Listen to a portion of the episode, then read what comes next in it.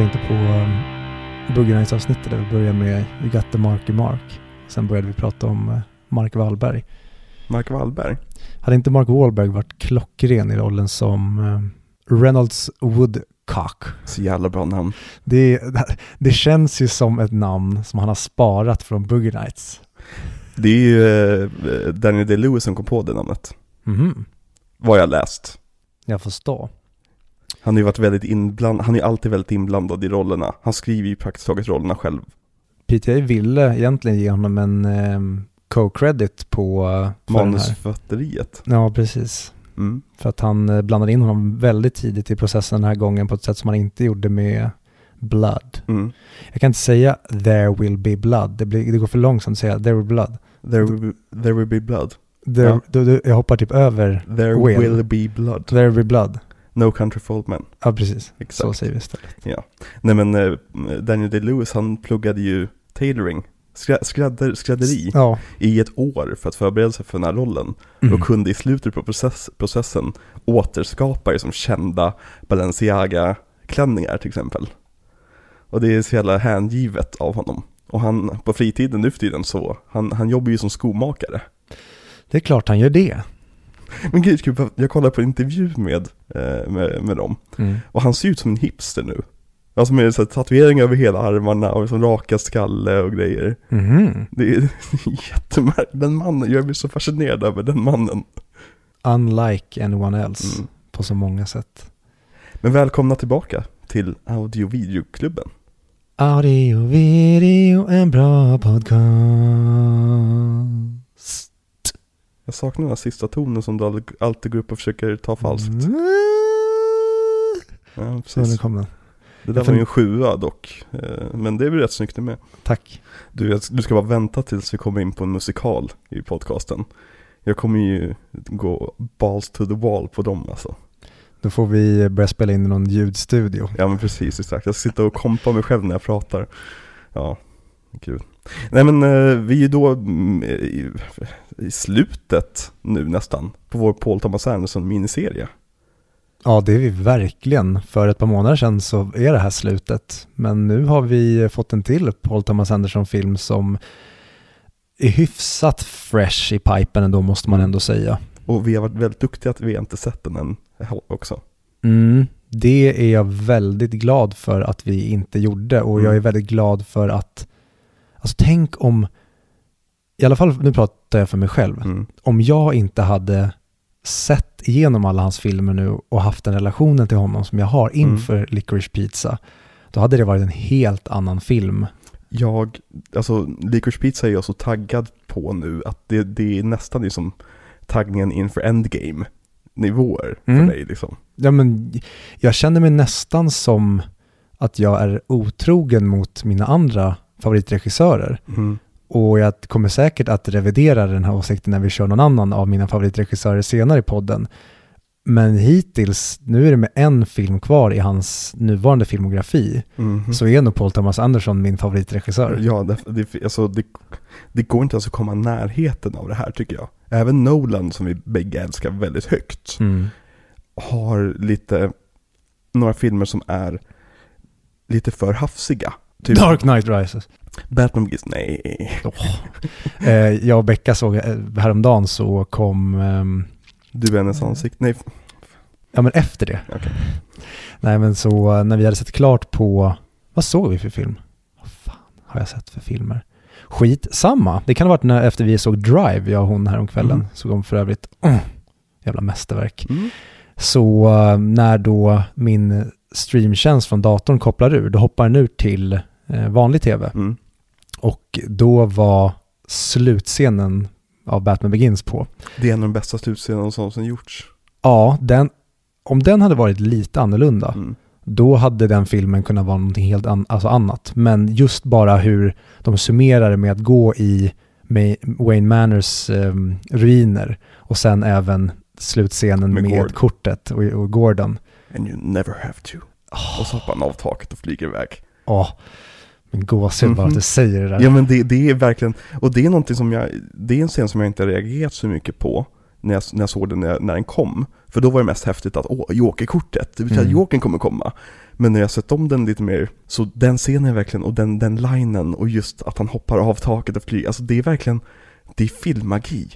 Och det, Ja. det, är den, det är min favoritscen i hela filmen. I en, i en i film där det är fullt över häftiga fighting-scener och eh, coola monologer och liksom, eh, kampen mellan gott och ont och korruption och pengar, hur pengar korrumperar och pengar kan hjälpa och allting. Så är bara det simpla We never got to thank you and you never have to. Mm. Ja, och det är precis samma känner jag nog för Dark Knight Mm, med slutscenen där med att han inte hjälten vi vill ha, mm. men han är hjälten vi förtjänar, är det väl. Precis. Och när han försvinner där och blir jagad. När Gordons son frågar varför jagar ni honom? Åh. Och, och jag minns att när jag såg det i biografen, just Dark Knight, jag var, jag var så peppad på, okej, och nästa Batman-film kommer alltså vara att han är jagad. Och de kommer säkert ta in Riddler för att kunna hjälpa att hitta Batman eller någonting, eller, eller anlita, att Hugo Strange kommer och ska liksom analysera Batmans personlighet och därmed lista ut vem han är och så vidare. Och så fick vi liksom axelryckningen Dark Knight Rises på det. va. Mm, okej, han, han var ledig i 12 år.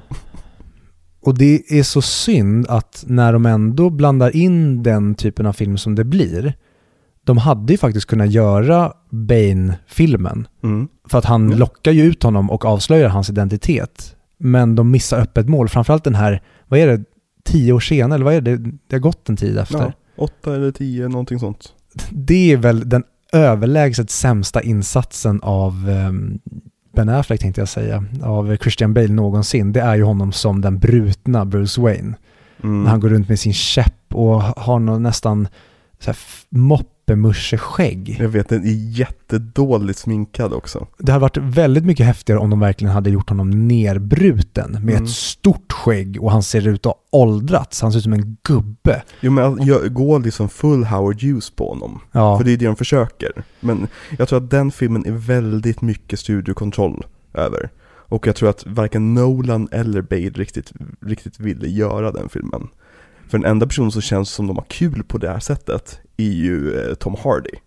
mm. För han tänker ju känner, fan jag är en Batman-skurk. Mm. Jag får jobba med Christopher Nolan, jag får i samma scener som Christian Bale här. Nu ska jag verkligen gå all in. Och alla andra kommer dit och är trötta liksom.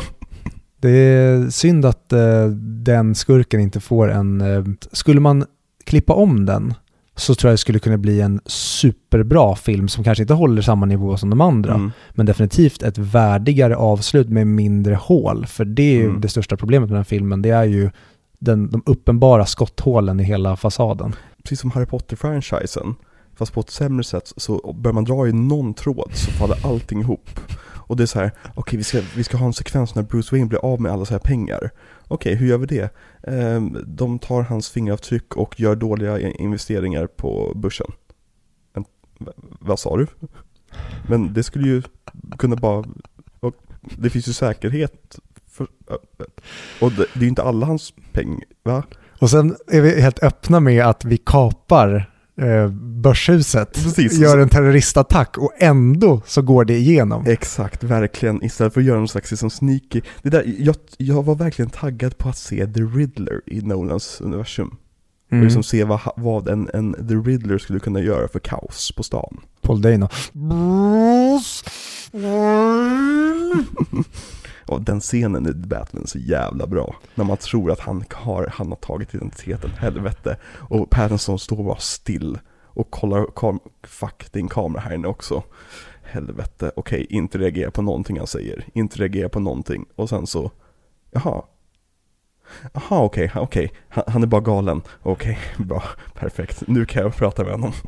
Jag eh, var nära på att se om den igår, Mhm. men den eh, fanns tyvärr inte i eh, tillräckligt bra kvalitet. Nej, den kommer ju på söndag. Eller idag, Mhm. på HBO. Ja. för mig. Eller så är det nästa söndag. Ja, det är, det är en film som jag bara vill... Jag kan, det är en film jag kommer kunna hoppa in i var som helst. Det är en Mm. film som bara har en fantastisk eh, känsla. Mm. Nej men verkligen.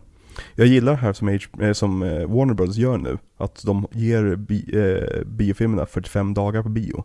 Och sen direkt på HBO Max. Det betyder att vi kommer kunna göra en DVD-kommentar på eh, The Crimes of Dumbledore, tänkte säga. The Secrets of Dumbledore. Eh, om bara typ en månad. Det ska bli kul. Ja, och vi har också fått vår första, eh, vårt första krav så att säga. Vi har ju lite olika nivåer på Patreon.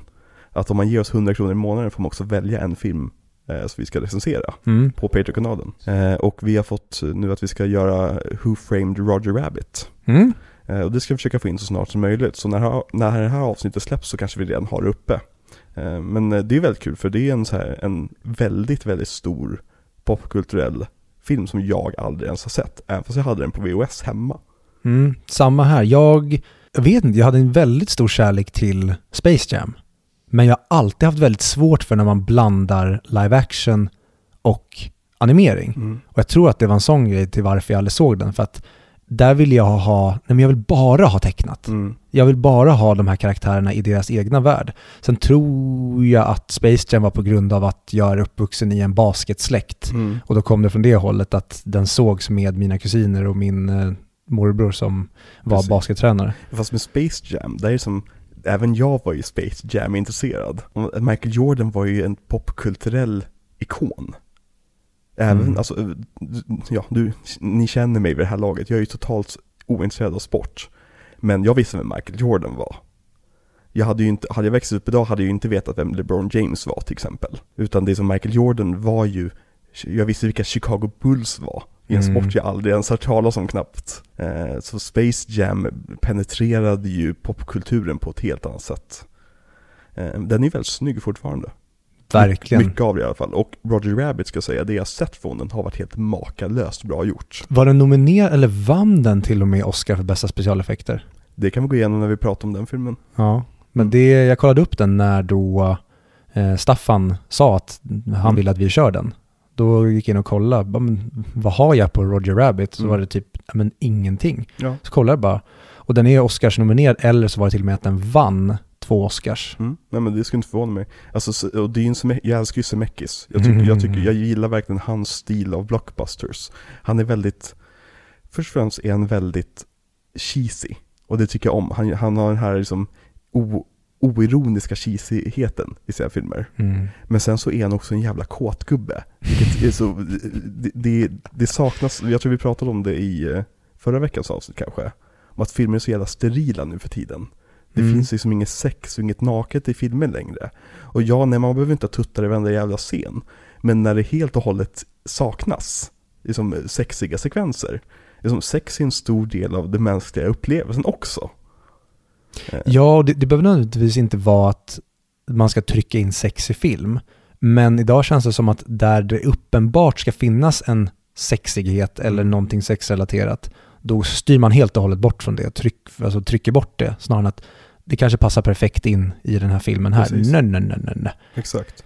Det är därför jag uppskattar um, The Eternals lite mer.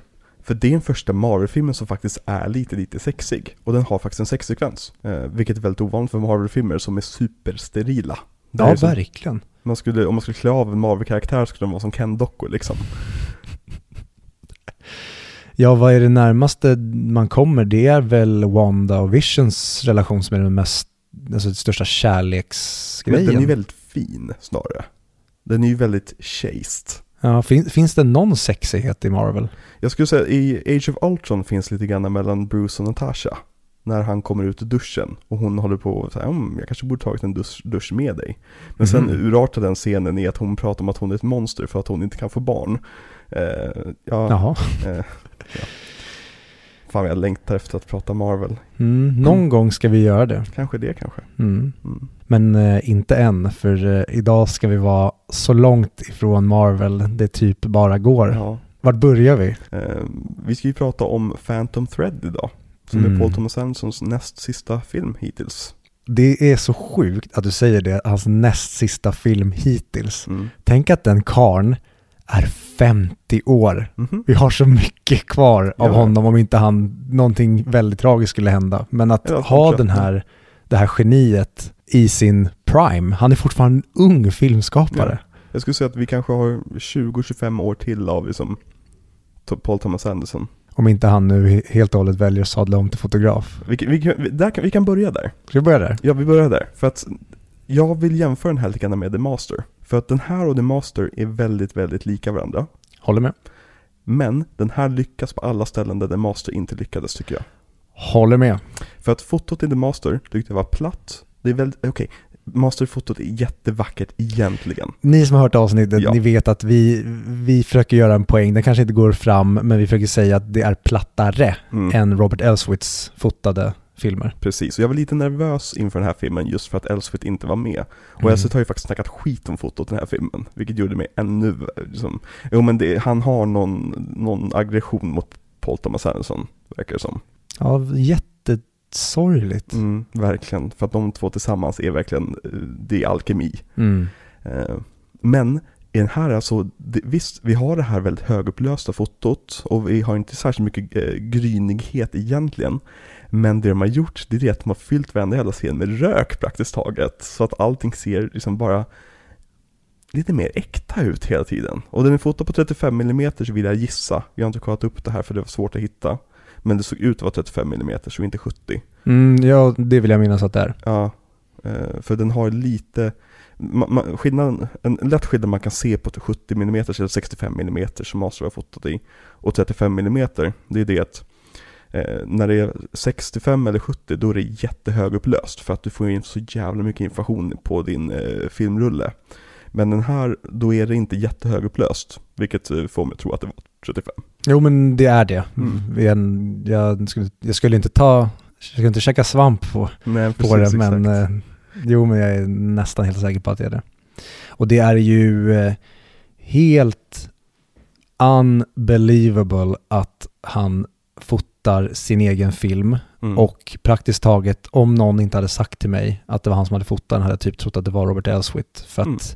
det här är en av de snyggast fotade filmerna alltså jag någonsin sett. Det är helt otroligt Mm. hur jävla duktig han är. Det är på Kubrick-nivå. Ja, Och det, och det är som, det, sen ska jag också lägga till att det är ett collaborative, collaborative effort. Alltså det är han och även så här kameraoperatörer som han har jobbat med i flera decennier nu, mm. som har fotat tillsammans. Och det är samma sak också på eh, The Licorice Pizza som vi kommer se eh, till nästa veckas avsnitt. Mm. Ja men precis, att det, det är inte att han står med en kamera på axeln och regisserar samtidigt utan Nej. han har ju sina som han arbetar med och sen är det han som i slutändan säger vad han vill ha och de då riggar B-foto, C-foto, D-foto, E-foto, hur många jävla Precis. kameraassistenter han nu har som ser till att få det han ber om. Mm. Och det tycker jag om äv- även på det här, vi har ju pratat mycket om att han har ju liksom, eller hade i alla fall i början av sin karriär, sin liksom teatertroupe. Som han tog med sig in i varje, på varje scen så att säga. Mm. Så har han nu sitt team av, eh, liksom, vad ska man säga, teknisk kunskap med Mm. sig på varje film. Han använder sig av samma producent varje gång, hon Joanne. Och liksom även sina eh, gaffers, eh, best boys, liksom alla, alla de här personerna, ljussättningen, det är personer han jobbat med tidigare. Så han, Mm. de känner ju varandra, de vet vad de vill ha. De kan använda sig av väldigt antagligen så här shorthand för att prata om det de vill ha istället för att behöva sätta sig ner och förklara varje gång. Och om vi även pratar om liksom hur cleant fotot är i den här filmen så tycker jag att här så passar det väldigt bra att ha det lite mer cleana fotot. Mm. Just för att du är i väldigt överklassiga miljöer. Och du är i väldigt så här fancy miljöer. Med mycket, många fina tavlor och fina ramar och fina kläder för att inte tala om det liksom. Medan i The Master så handlar det faktiskt om en, om en fyllbult till se- seglare som liksom eh, stapplar sig igenom någon slags kultrörelse. Mm. Och då hade vi kanske behövt ha lite, lite mer av grynet i fotot.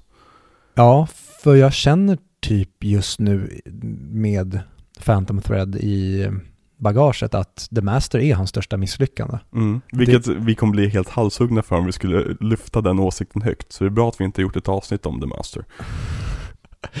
Verkligen. Mm. Men i den så känner jag att, som, precis som du säger, allting det som kanske då gick inom citationstecken fel i The Master Mm. får han verkligen till i den här filmen. Här känns det som ja, men nästan Hard Eight och eh, Boogie Nights. Mm. Att här är någon som vet precis de grejerna som han kanske inte gillade med The Master och de får han verkligen till i perfektion i Phantom Thread. Mm. Och även när det kommer till storyn, dynamiken, karaktärerna och allting. Att Exakt. här var det som att det var det, den här, det var det här som skulle vara The Master. Ja men det, återigen, det här är också en film som är väldigt opaque. i det att man måste tänka efter lite grann för att förstå vad den egentligen handlar om. Mm. Men den har också väldigt mycket på, liksom, på, på ytan Mm. att, att ta del av. För det är en väldigt, det, det är en story som, som man kan ta den för, för vad den är. Liksom. Eh, den här historien om, om, om den eh, omöjliga eh, konstnären som, som eh, behandlar folk som skit runt omkring sig. Men hittar en, en the movable object mot hans unstoppable force Mm. som kan sätta honom på plats. Eh, sen så kan man gräva jättemycket djupare än så, men den storyn funkar som den gör. Men tyvärr gör ju inte Master det på samma sätt. Du ska säga, vi, vi är lite hårda mot The Master, men om, och så återigen, om ni lyssnar på det avsnittet så vi älskar ju fortfarande The Master som film betraktat. Det är bättre än det mesta som släpps. Mm. Men, men eh, vi får väl lite hårda nu för det är Paul Thomas Anderson och han har visat sig vara eh, jävla supergeni. Ja, det går inte att säga tillräckligt många gånger hur mycket jag älskar den här karjäveln och Ja, vad han det- gör. Jag trodde inte det när vi valde den här regissören heller. Alltså jag trodde liksom så, ja men det är skönt att prata om lite bra film liksom. Mm. Jag vet, vet att Boogie är en femma, jag vet att There Will Blood är en femma, men resten, det ska bli kul att se liksom. Men jag, jag fullkomligt älskar hans stil. Och det är så, jag har aldrig tråkigt. Och det, det, jag, jag brukar göra så när jag ser färdigt en sån här film, jag brukar gå in på Letterboxd, så brukar jag gå in på reviews, och brukar ta de som satt halva stjärnor och ettor Mm. bara se vad de tycker. Och det är verkligen, det är, folk vet inte vad de ska göra med den här filmen. Folk anklagar den för att vara antifeministisk, att vara antimanlig, att, liksom, att den är tråkig, att de- såg bara fem minuter innan och stängde av, jada jada jada.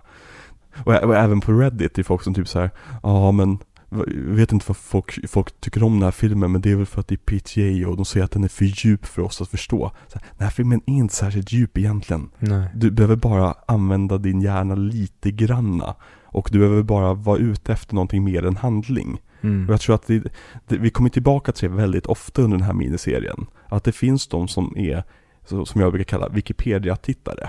De vill bara ha en bra story. Och det förstår jag. Alltså det, det är också ett sätt att kolla på filmer på. Där är ju Nolan den perfekta regissören. Precis, exakt. För han ger dig en bra story. Han är ju liksom schamanen som kommer till lägerelden och berättar den här liksom, eh, magiska eh, liksom, eh, berättelsen om gott och ont och ondska och, och girighet och filosofi på ett rätt grundligt plan.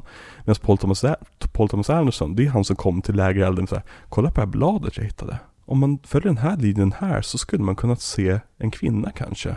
Men på den där sidan så påminner det om min mamma. Mm. Det, som det, det, det, det finns lite mer av det visuella. Du måste börja tänka på det visuella språket när du säger Paul Thomas Andersons filmer. Du kan inte bara sitta och förvänta dig en bra story. Och återigen, det finns inget rätt eller fel här, tycker jag. Utan det är bara två väldigt olika skolor. Jag håller verkligen med. Jag, jag var taggad på den för att jag var taggad på en PTA-film. Men det skalet som jag såg var jag inte taggad på och premissen var jag inte taggad på. Och att jag typ inte kände igen någon skådis var jag heller inte taggad på på samma sätt för att ändå, alltså. Blood har ändå någonting annat mer dramatiskt redan i, bara i titeln, Mm. vilket Phantom Thread inte har. Nej, men den, den är ju väldigt, väldigt Premissen och som säger skalet, den ytan, är en väldigt dov upplevelse. Mm. Att man känner så här, jaha, okej, men jag känner bara igen eh, Daniel Day-Lewis här till exempel. Och det verkar vara rätt tråkiga miljöer och det är som 50-tals estetik och kläder och så, ja, jo, visst, det är väl vackert att kolla på, men vad finns det här? Men det är just hur han hanterar allt det här som gör det till ett mästerverk, skulle jag säga. Ja, jag är villig att hålla med dig. Den eh, når inte upp till en fullpoängare Inte efter första titeln. Men jag är nästan säker på att den kommer göra det när jag ser om den. För Definitivt. det här är en av de bästa kärlekshistorierna tycker jag som jag har sett på film. En av de mörkaste också. Ja, och det gör att den är så fruktansvärt bra. Att den levererar kärleken på det här sättet. Och Mm. jag tänkte verkligen på skönheten och odjuret när jag såg den här. Mm. Att det kommer in någon i, i det här mörka slottet där han har kontroll över alla. Och Precis. sen så kommer hon upp och inte thawar hans heart, Precis. men hon gör någonting Hon med lär hans sig att heart. hantera det Mm. på ett sätt. Och hon hittar också hans knytpunkt. Mm. Jag skulle säga att den här filmen, den här filmen och 50 Shades of Grey är ungefär samma film. Förutom att den här filmen är elegant med det den gör. Den här filmen är otroligt sexuell. Det handlar om liksom väldigt grundläggande, basiska, liksom, eh, psykosexuella upplevelser. Mm. Fast inte med något naket eller något liksom, några sexscener, utan det är, det är inte där du ska få ut det ifrån. Utan det handlar om, det finns, det finns en anledning varför rika, maktfulla eh, industrimagnater tycker om att åka och bli dominerade. Och det är exakt det som händer på slutet av den här filmen också. Han har kontroll över hela sitt liv i varenda aspekt. Men här hittar han den personen som kan ta den här kontrollen och få honom känna sig som ett barn igen. Mm. Det, är, det är så magiskt. Och, och de, de skriver inte heller på näsan om det. Utan du måste sitta och tänka efter lite grann när du ser färdig filmen. Att säga, vänta, varför, okej, varför äter han den här omeletten för? Ja, ja, men jättebra jämförelse med 50 Shades of Grey. Det är som att, eh, jag tror att hon heter E.L. James som Mm. har skrivit den.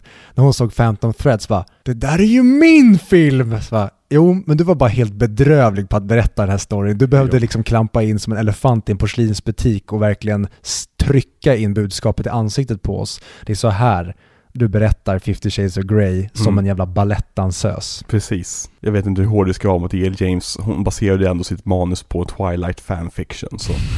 Vilket är typ den roligaste lilla, lilla anekdoten om den filmen jag någonsin har hört. Alltså att hon började med att skriva någon så här, ja, på nätet på typ Angel Fire. Liksom Twilight fanfiction där, där Edward var en rik eh, New York-bo istället. Och så bara, hmm, folk tyckte om den här. Jag skriver om karaktärerna så att jag inte kan bli stämd och sen så bara publicerar och så blev det en världssuccé. För att, ja, ja. Jo, jag har fan läst alla tre. Nu vet jag inte om de gjorde, de gjorde någon var, variant från hans perspektiv också. Men jag har läst de tre som ska vara originaltrilogin och det är ju sju helvetes page-turners och liksom tantsnusk i världsklass. Så att det är inget ont om den, men det finns ju ingenting som utmanar den för fem öre, utan det var den perfekta ligga på stranden-boken och bara ta sig igenom som men, ett hjärndött tv-program, Mm. Miami Vice eller vad de nu heter, CIS eh, New Miami York. Vice är ju dock, det är ju Jonathan Demme. Då tar jag tillbaka det. Jag menar, ja, ni vet vad jag pratar om. NCIS. Who CSI. are you? Who, who, who? CSI New York heter det väl? CSI Miami, CSI allting finns det väl? CSI Hawaii. Mm. Ja, ni förstår vad jag menar. Ja. Där det bara är att man ska sitta så här, ja, jag stod, stängde av min hjärna ett tag här och eh, det var väldigt underhållande, men Mm. nej. Nej men det är så här, och det, det, återigen, det finns ingen kritik här egentligen. Det är bara Nej. två väldigt olika sätt att göra det på. Det är som, jag skulle liksom ta upp eh, Marvel som ett exempel, som den här skälden mot att ja, men du är så jävla pretentiös när det kommer till filmer. Så här, nej men jag, jag älskar skit också. Jag älskar skit typ mer än det mesta. Mm. För, men det måste också vara bra gjord skit. Eh, och eh, ja, när jag försökte se om Twilight-filmerna förra, förra året och vi kom, jag och hon jag såg dem med, kom till ettan och sen tvåan och sen så insåg vi att för att orka med trean så måste vi också se fyran. Men måste också se femman för att de har två filmerna hör ihop och, och det orkar vi helt enkelt inte bara så vi la av. Det låter klokt. Ja. Nej men eh, nu ska jag säga, jag tycker om Chris Whites väldigt mycket, han som regisserar tvåan. Eh, Han är ju så här ständigt återkommande gäst i min favoritpodcast Blank Check. Eh, Och han skrev och regisserade tror jag också, eh, första American Pie-filmen. Eh, Och han verkar vara som en jävligt, han verkar vara en väldigt skön snubbe bara. Han tar inte saker jätteseriöst. Men han är inte en blajig person heller. Men han gjorde till exempel, eh, vad heter den, The Operation. Där Ben Kingsley spelar Adolf Eichmann. Mhm. Som handlar om en judisk eh, specialtrupp som åker till Argentina för att fånga Eichmann. Och den var jättebra. Eh, så inget, inget ont ska sägas om Chris Whites, men eh, New Moon är en jävla skitfilm. Ja, han eh, fick bra med cash och tänkte att jag kan väl hoppa in och göra något jävla hired gun-projekt här ja, bara. men det, han har ju berättat mycket om, om det projektet i podcasten också, och det var verkligen det att han visste ju att om han gör någonting utanför vad bö- böckerna säger så kommer fansen slakta honom. Så han, han var ju rädd varje dag på, på sättet liksom. Eh, Nu kommer vi av oss igen här, men det, det är ju vårt signum känns det som. Men ska vi, ska vi dra igenom plotten lite snabbt bara? Bara så folk hänger med på vad filmen handlar om. Ja, en eh, man gör klänningar, äter svamp och blir kär. Ja, men det handlar om, om, en, om en framgångsrik designer i eh, mitten på 50-talet. I Flunden, I Flandern. den enda filmen av PTA som utspelar sig, jag ville säga utanför Kalifornien men det stämmer inte. utanför, men USA. Ja, framförallt utanför USA, men den enda andra som utspelar sig utanför Kalifornien är ju Hard Eight. Precis, eller exakt. Sydney. Precis, nu spelas i Australien. Ja. Precis. Ja. Ja, men det handlar om, om en väldigt framgångsrik designer som eh, jag skulle säga är både är manodepressiv och har autism. Han är en evig bachelor, men han träffar en tjej på ett, på ett fik på hans lilla tillflyktsort på den brittiska landsbygden. Eh, där som han startar en relation med helt enkelt. Och eh, i början så är hon väldigt undergiven honom för han är ju väldigt liksom, ja, känd och stor och liksom eh, väldigt krävande, har väldigt mycket regler och allt sånt där.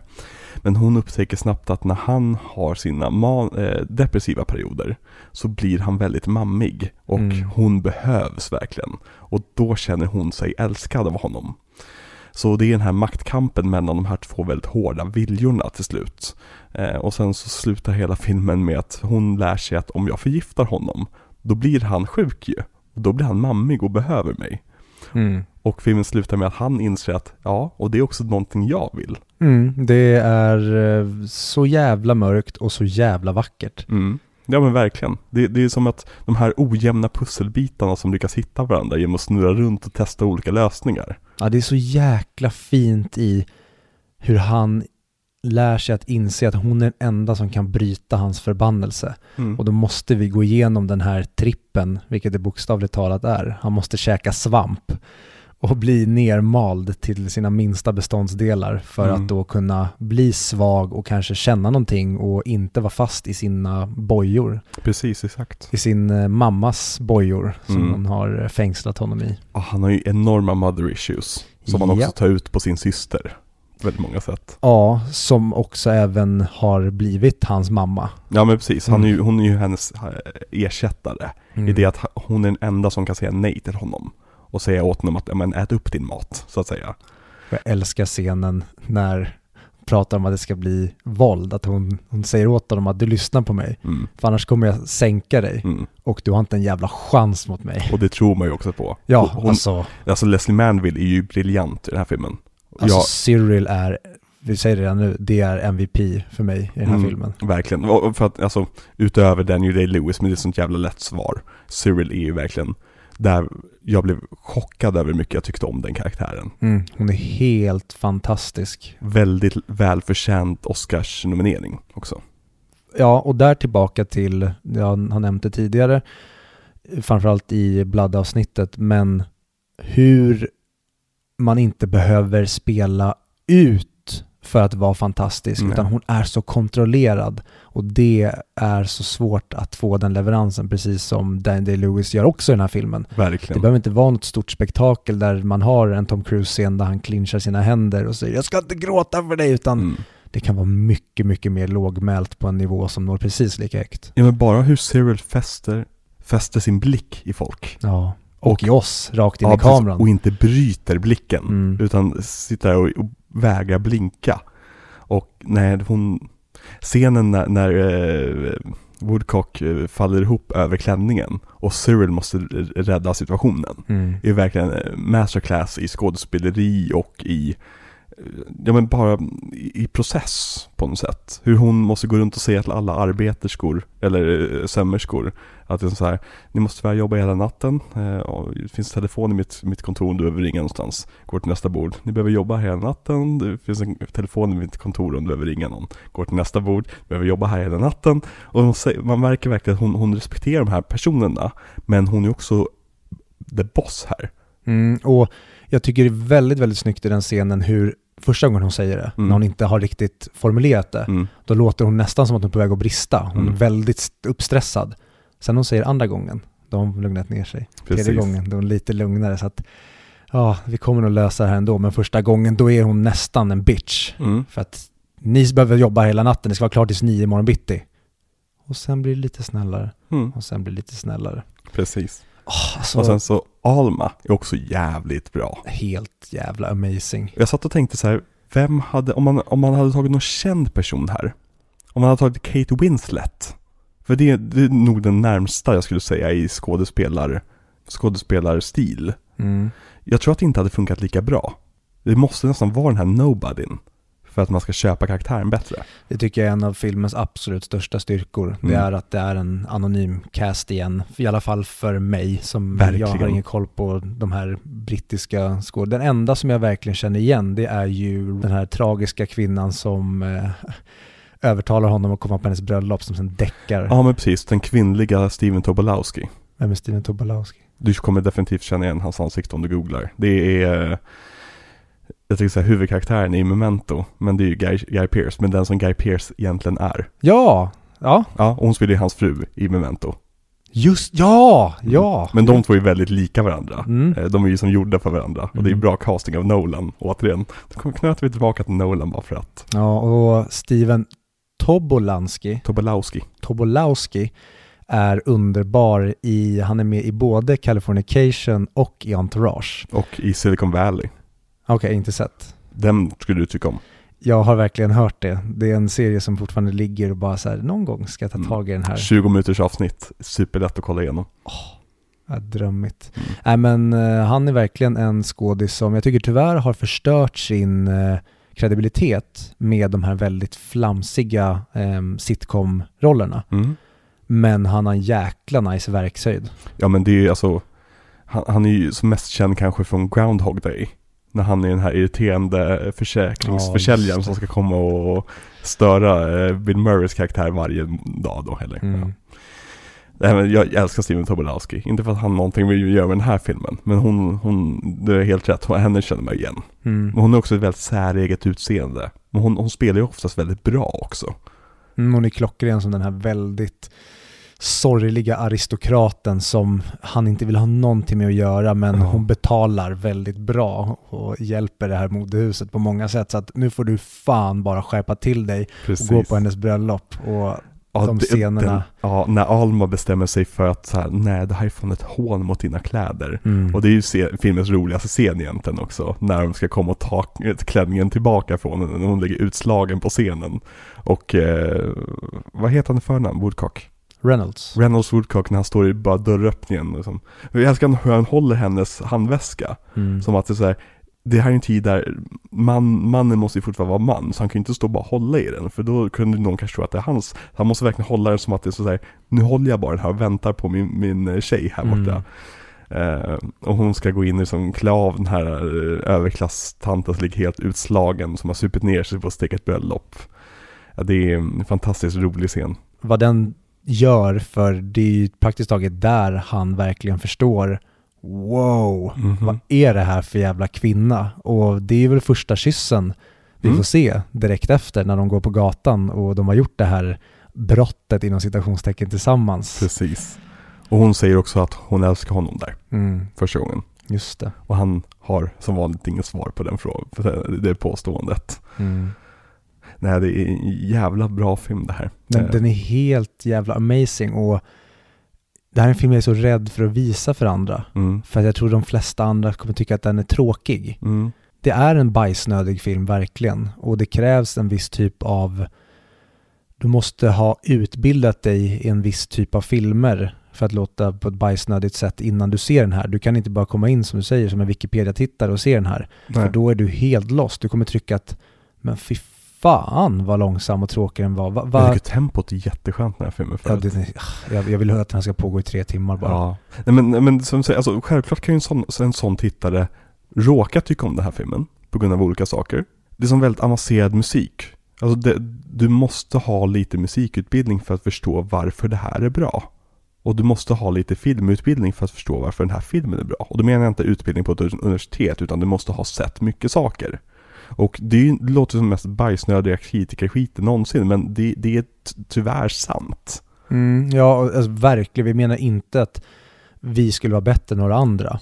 Men när du har sett ett visst antal filmer och sen inte bara tittat på film och sen lägger du den bakom dig utan vill veta mer om Mm. filmerna, då kommer den här filmen slå rakt upp i taket. Annars kan den vara motsatsen, att varför såg jag då inte, jag vet inte varför vi använder Christopher Nolan igen som någon slags slagträ. Ja men det är, bra, för det är en bra jämförelse för att Nolan brukar oftast ha, han är den högsta verkshöjden bland Wikipedia-tittarna. Jag vill, jag, jag vill bara poängtera att vi ser inte ner på sådana människor på något sätt. Jag var själv väldigt, väldigt så en gång i tiden och liksom var väldigt, eh, såg filmen för plottens skull men Det gör jag fortfarande. Ja, men verkligen, jag, jag med. Jag, jag har köpt biljetter till premiärdagen på Doctor Strange. Liksom, jag, kom, jag kommer älska den filmen antagligen. För att det, det är häftigt och det är ballt och det är coolt liksom. Vi älskar det också. Exakt. Man, man, man måste kunna ha liksom olika sidor av sin egen, egen person. Men eh, det jag skulle komma till var att Nolan är ett väldigt bra slagträ för det här. För att det visar någonstans liksom att det går att göra saker på ett annorlunda sätt men ändå vara lika bra. Och för att ge, vi har redan gett en massa cred i tidigare avsnitt. Men Tenet, Mm. den är ju hans mest, kanske dålig jämförelse, men hans mest PTA-iga film. Mm. För den är minst som då ta Inception då, som är liknande film som Tenet. Mm. Det är mycket mindre kaos på ett sätt och det är mycket mindre subtilitet. Du behöver kanske inte se om filmen flera gånger. Det, jo, i och för sig, Inception har ju också en del grejer som man behöver se om. Men den alltså är mycket Inception är mer... en actionrökare. Ja men precis, och det tycker jag inte att Tenet är på samma sätt. Den jobbar på en mycket, mycket lägre frekvens. Mm. Mer, mycket mer lik PTAs frekvens. Precis. Nej men verkligen. Så um, ska vi gå vidare till eh, Johnny Greenwoods eh, musik? Alltså jag kunde inte hålla mig, efter jag sett färdig filmen så var det egentligen att jag skulle sätta mig och göra research om den här filmen. Jag, jag, jag har inte gjort jättemycket research, jag har kollat på lite intervjuer och så vidare för jag hittade ingen vinkel riktigt som jag ville gå in på. Eh, så jag satte mig och spelade piano istället. Och eh, satt och började skriva egna filmscore och grejer. Det är ju den bästa sorten av konst generellt, men även film. Det är när Mm. man blir så inspirerad att man själv vill sätta sig och tänka ut saker för att det, det bara, det här går att göra. Mm. Det här vill jag testa att bara se, hur gör jag det på min amatörmässiga nivå? Precis. Nej men alltså Johnny Greenwoods score i den här filmen är makalöst. Och det är inte in your face. Och det är inte liksom John Williams som kommer med fanfarer och grejer. Utan det är det här väldigt lugna pianoscoret hela tiden. Som finns- nästan låter som att det här är stulet från någon kompositör Mm. vi har stenkoll på. Men det är Precis. så himla originellt, men samtidigt så välkänt. Jag älskar scenen när han går och jagar efter henne på nyår. När han går in på det här stora, stora klubbhuset där man har nyårsfest. Och man hör i bakgrunden, hör man ju eh, här som marching band som spelar där nere. Mm. Men Johnny Greenwoods score är fortfarande på här. Mm. För att eh, signalera till publiken att den här mannen, eh, Reynolds Woodcock, är så frånkopplad från det som händer här. Att scoret kommer med honom. Mm. Det är först när han liksom kommer ner till henne som det som blir mer sammansmält. Nej, och eh, ba- bara hur scoret börjar med de här liksom, stressande tonerna. Som skarpa som som han älskar att använda som han gjorde också i uh, There Will Be Blood. Mm. Och jag såg eh, You Were Never Really Here Mm. igår. Och eh, den är också kompos kompositerad, komponerad av Johnny Greenwood. Mm. Och då satt jag också och tänkte under filmen, för jag visste inte det. Bara, jävla bra musik. Mm. Gick in och kolla, är det här typ Cliff Martinez? Eller Clint Mansell? Mm.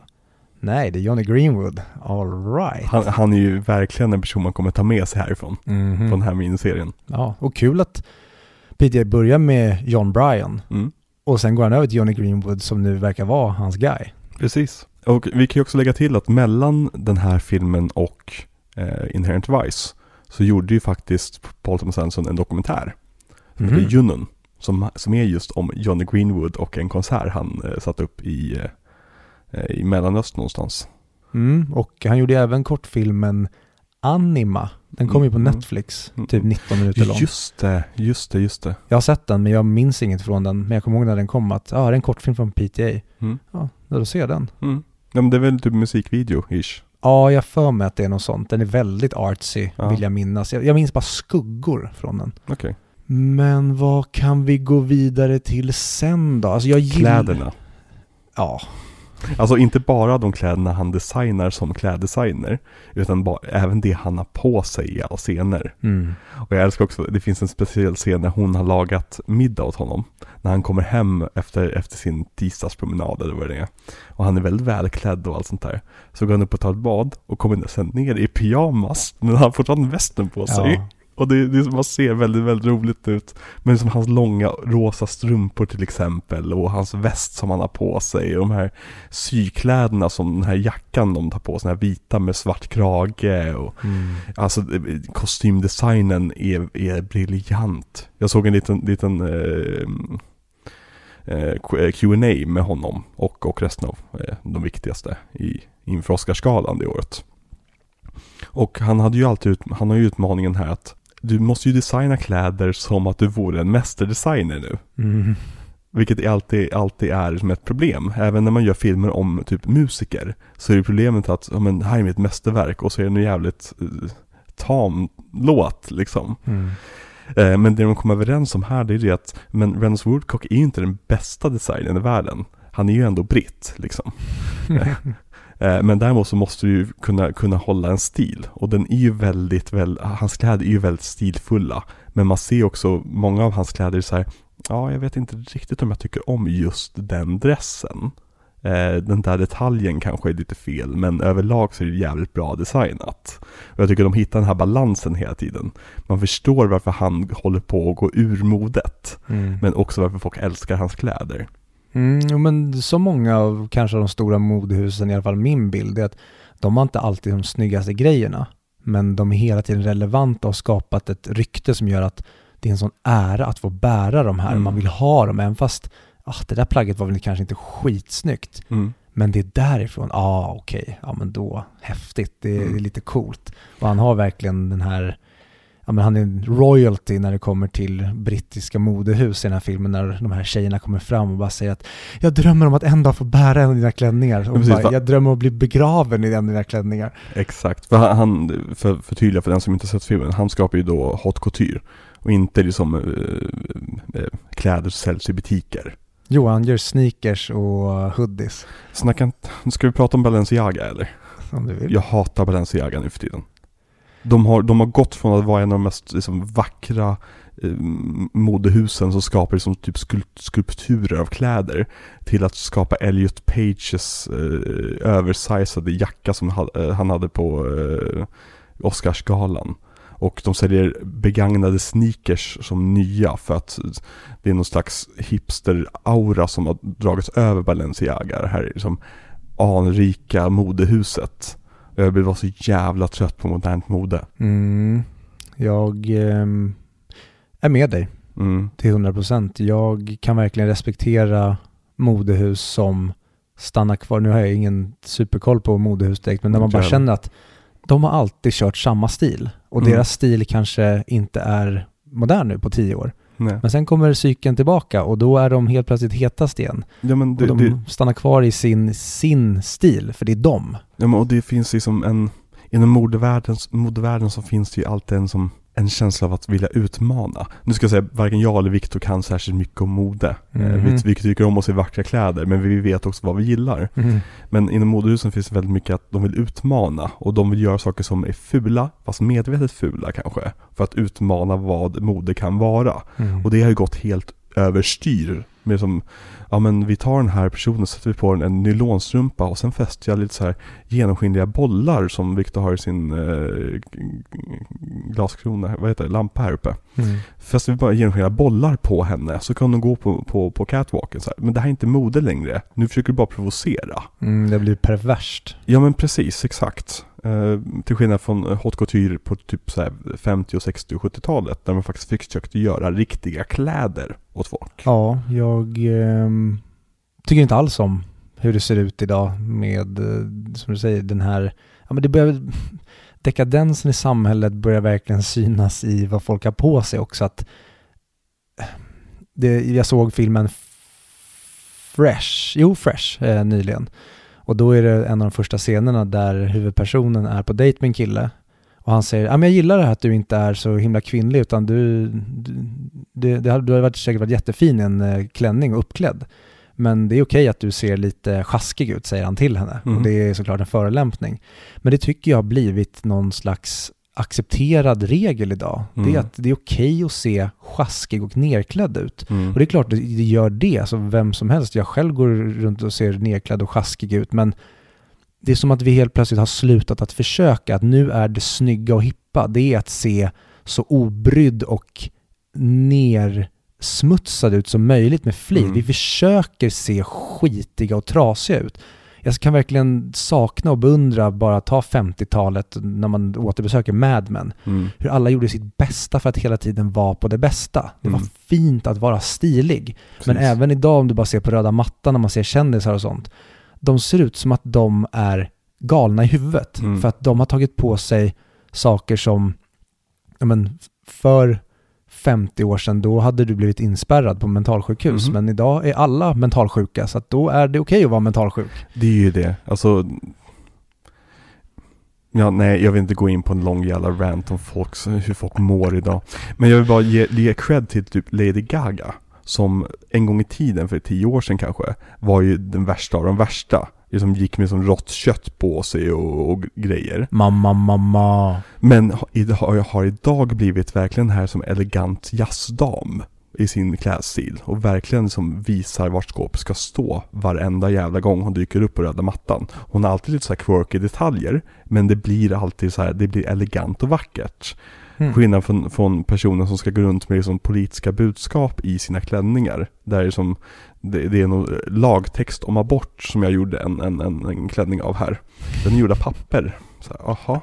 Men vill du vara vacker eller vill du göra en politisk poäng? För du, du är känd nog och rik nog för att kunna betala för att göra en op-ed i New York Times. Mm. Det tror jag nog att du skulle sprida ditt budskap lite bättre med. Än att göra liksom en klänning av, ja, lagtext. Ja. Och jag eh, har inte tänkt på den grejen med just Lady Gaga. Men det kanske stämmer. Men det som jag mest reagerar på med Lady Gaga det är ju att hon verkar ju inte vara så elegant och eh, stilig i sitt huvud. För att jag tycker att varje gång hon dyker upp nu och jag ser Lady Gaga, alltså jag tycker fortfarande hon är en fantastisk popartist. Hon Mm. gör, har gjort otroliga bangers. Men eh, varje gång jag hör henne prata så känns det som att det är en förvuxen 12-åring. Och Mm. jag kommer inte ihåg vad det var. Men hon är som en, en riktig jävla fanbaby. Och det är okej att vara det. Mm. Men det är så oklädsamt för en vuxen superrespekterad kvinna Mm. och sitta där som en åttaårig liten flicka som träffar sin största idol. Att ja, vi förstår att du har väldigt mycket respekt och ser väldigt mycket upp den här personen. Mm. Men när du är så här himla infantil, då, då man tappar respekten för att snälla, bete dig. Och nu låter vi som två gnälliga gubbar, men det är för att jag tycker att nu, vi, som du sa, vi ska inte halka in för mycket i någon rant, men jag tycker att den här dagisnivån som man ser i Mm på många platser idag, framförallt inom populärkulturen och bara ta Oscarsgalan nu senast, att det, det har blivit som ett stort dagis, att den som är barnsligast och mest emotionell, det är den som nästan är häftigast idag. Ja, ja. Alltså vi, vi har ju Vi har ju praktiskt taget utrotat Peter Pan-syndromet genom att ge alla Peter Pan-syndromet. Ja. Och därmed behöver det inte ens definieras längre. Det är bara så man är nu för tiden. Ingen vill växa upp. Ingen vill ta ansvar för sina känslor eller sina åsikter. Mm. Utan alla vill bara liksom provocera hela tiden. Och ingen vill ta en riktig debatt om någonting. Utan all, alla vill bara liksom vinna argumentet. De vill få clout. De vill få liksom eh, likes på Instagram eller Facebook och Twitter. Eller. Nu vet jag inte vad man får på TikTok men man får säkert likes där också. Och det, det känns bara så tråkigt för att då har vi då Paul Thomas Anderson till exempel som inte gör det. Visst, han går mycket i barndom, gör väldigt mycket om sin, eh, liksom, han refererar mycket till sin barndom och så vidare. Men han är aldrig barnslig i det. Mm. Och det tycker jag, det måste jag verkligen respektera honom för. Det finns väldigt, om vi ska sammanfatta allt det här i någon slags liksom woke-term. Så han, han går ju aldrig, hans filmer är ju väldigt liksom, väldigt vuxna. Och vågar hantera sina egna känslor på ett sätt. Jag håller med till 100%. PTA känns som att han verkar i fel tidsanda just nu. Mm. Han borde inte få pengar att få göra de här filmerna. Han borde inte nomineras till Oscar efter Oscar för att han känns helt fel i tiden. Han känns som att Mm. han, precis som om man skulle designa Daniel Plainviews, Daniel Plainview, Randall Woodcocks kläder Mm. i 2022, känns som att det här är fel. Alltså, What the fuck is Cheek? åh, underbar jävla scen Ja, När när hon kommer han- in bakom honom också. När han börjar kuka ur igen och Cyril är med på tåget och hon har förstått att ja, Alma is good for you. Så Mm. när han börjar få sina fits, då är det nästan som att de kvinnorna använder sin intuition för att telepatiskt prata med varandra att det är nog dags för en dos svamp här igen. Ja, nej men och det Jag tycker det är väldigt intressant att den här, film, den här filmen skulle väldigt lätt kunna utmåla eh, Reynolds Woodcock som en skurk. Mm, och, Och det att- har ju den fått väldigt mycket kritik för. Mm. Just det här med toxisk maskulinitet och att han är, en, han är filmens bad guy.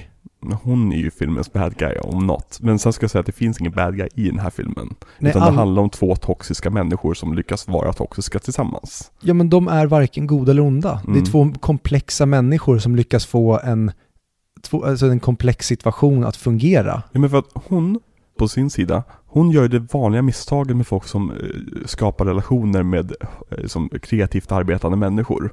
Att hon tror att hon kommer vara viktigare än arbetet. Vilket så här, eh, hot tip till någon som, någon som blir tillsammans med någon som håller på med liksom stora och, in- och liksom, stora konstnärliga verk. Eller bara har en passion för någonting. Du kommer inte vara mer viktigare än den passionen. För att, för att de här personerna är oftast väldigt svåra att ha att göra med. De är oftast helt omöjliga att, säga, att eh, ge ett nej till och så vidare. Och det måste de få, någonstans få vara för att kunna få fram den här konstnärligheten i sig. Mm. Jag tror att Paul Thomas Anderson lånar väldigt mycket från sitt egna liv när han skapar den här karaktären. Eh, och han, han gör miss, han, han eh, Reynolds Woodcocks eh, dåliga sida, det är ju det att han är för hårt inne i sitt arbete och kan inte hantera när det inte går hans väg. Mm. Utan han måste hela tiden ha sina liksom, nästan OCD-iga liksom, planer som han måste fullfölja till punkt och pricka. Jag tycker inte om när mina grönsaker steks i smör, jag vill steka med olja med salt på. Mm.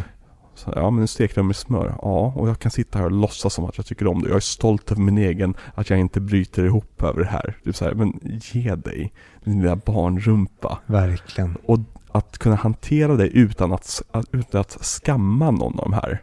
Och det menar inte skämma utan att, att ge dem skam. Att Mm. säga att du borde skämmas över det här beteendet. Utan bara säga att det här är två väldigt komplicerade människor som gör väldigt komplicerade och felaktiga val hela tiden. Mm. Tycker jag är otroligt jävla vuxet av Paul Thomas Anderson. Istället för att kunna göra den lätta versionen där han är skurken och hon är kvinnan som eh, blir psykiskt misshandlad och sen kanske tar sig ur det här genom den snälla doktorn som visar sig vara en god man.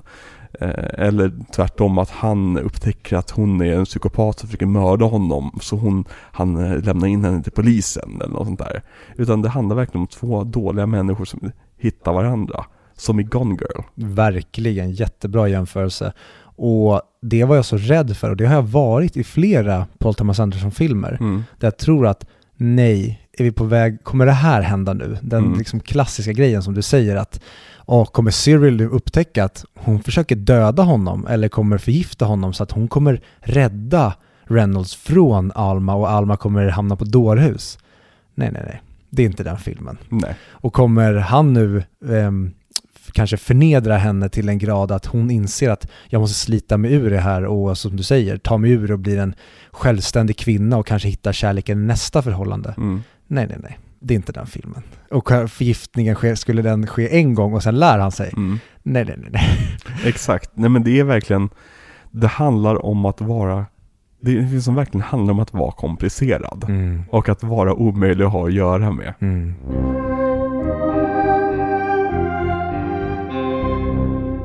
Men till eh, Reynolds Woodcock. mm. Vet du vem som lika gärna hade kunnat spela den här rollen? Fast såklart, ingen kan ju så nå samma verkshöjd. Men den som verkligen påminner honom, påminner om honom ofta i filmen, Mm. Ray Fiennes. Vi fick jättemånga gånger Mm. i filmen, framförallt röstmässigt ibland, Mm. när han förolämpar henne bland annat vid maten.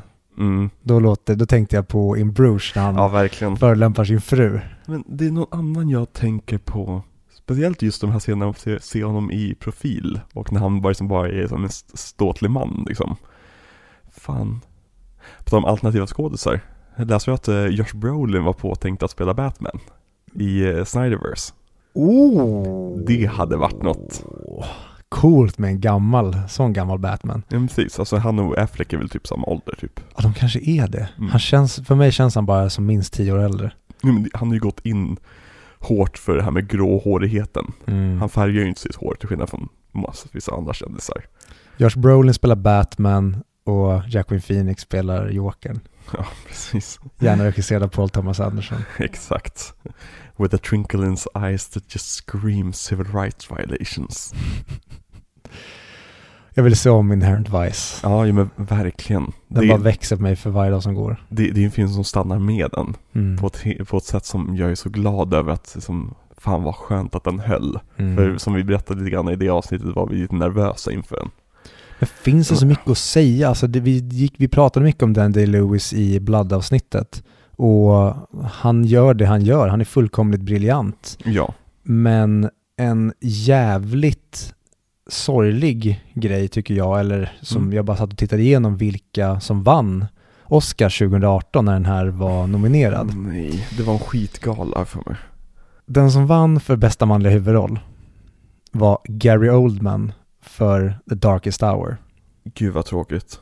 Eller hur? Jag tyckte det var helt rätt när den vann. Mm. Men med några år på nacken nu känner jag bara att fy fan vad trist. Mm. Och efter att ha sett den här filmen känner jag fy fan vad fel. Mm. Vem vann bästa film då? Bästa film och bästa regi vann Guillermo del Toro för The Shape of Fucking Water. Och det får mig nästan att bli galen. Inte bara för att jag tycker att det är en bedrövlig film, utan för att det säger så mycket om Oscarsjuryns inkompetens Mm. när du har Phantom Thread som nominerad och så vinner The Shape of Fucking Water Ja. som är typ en barnfilm.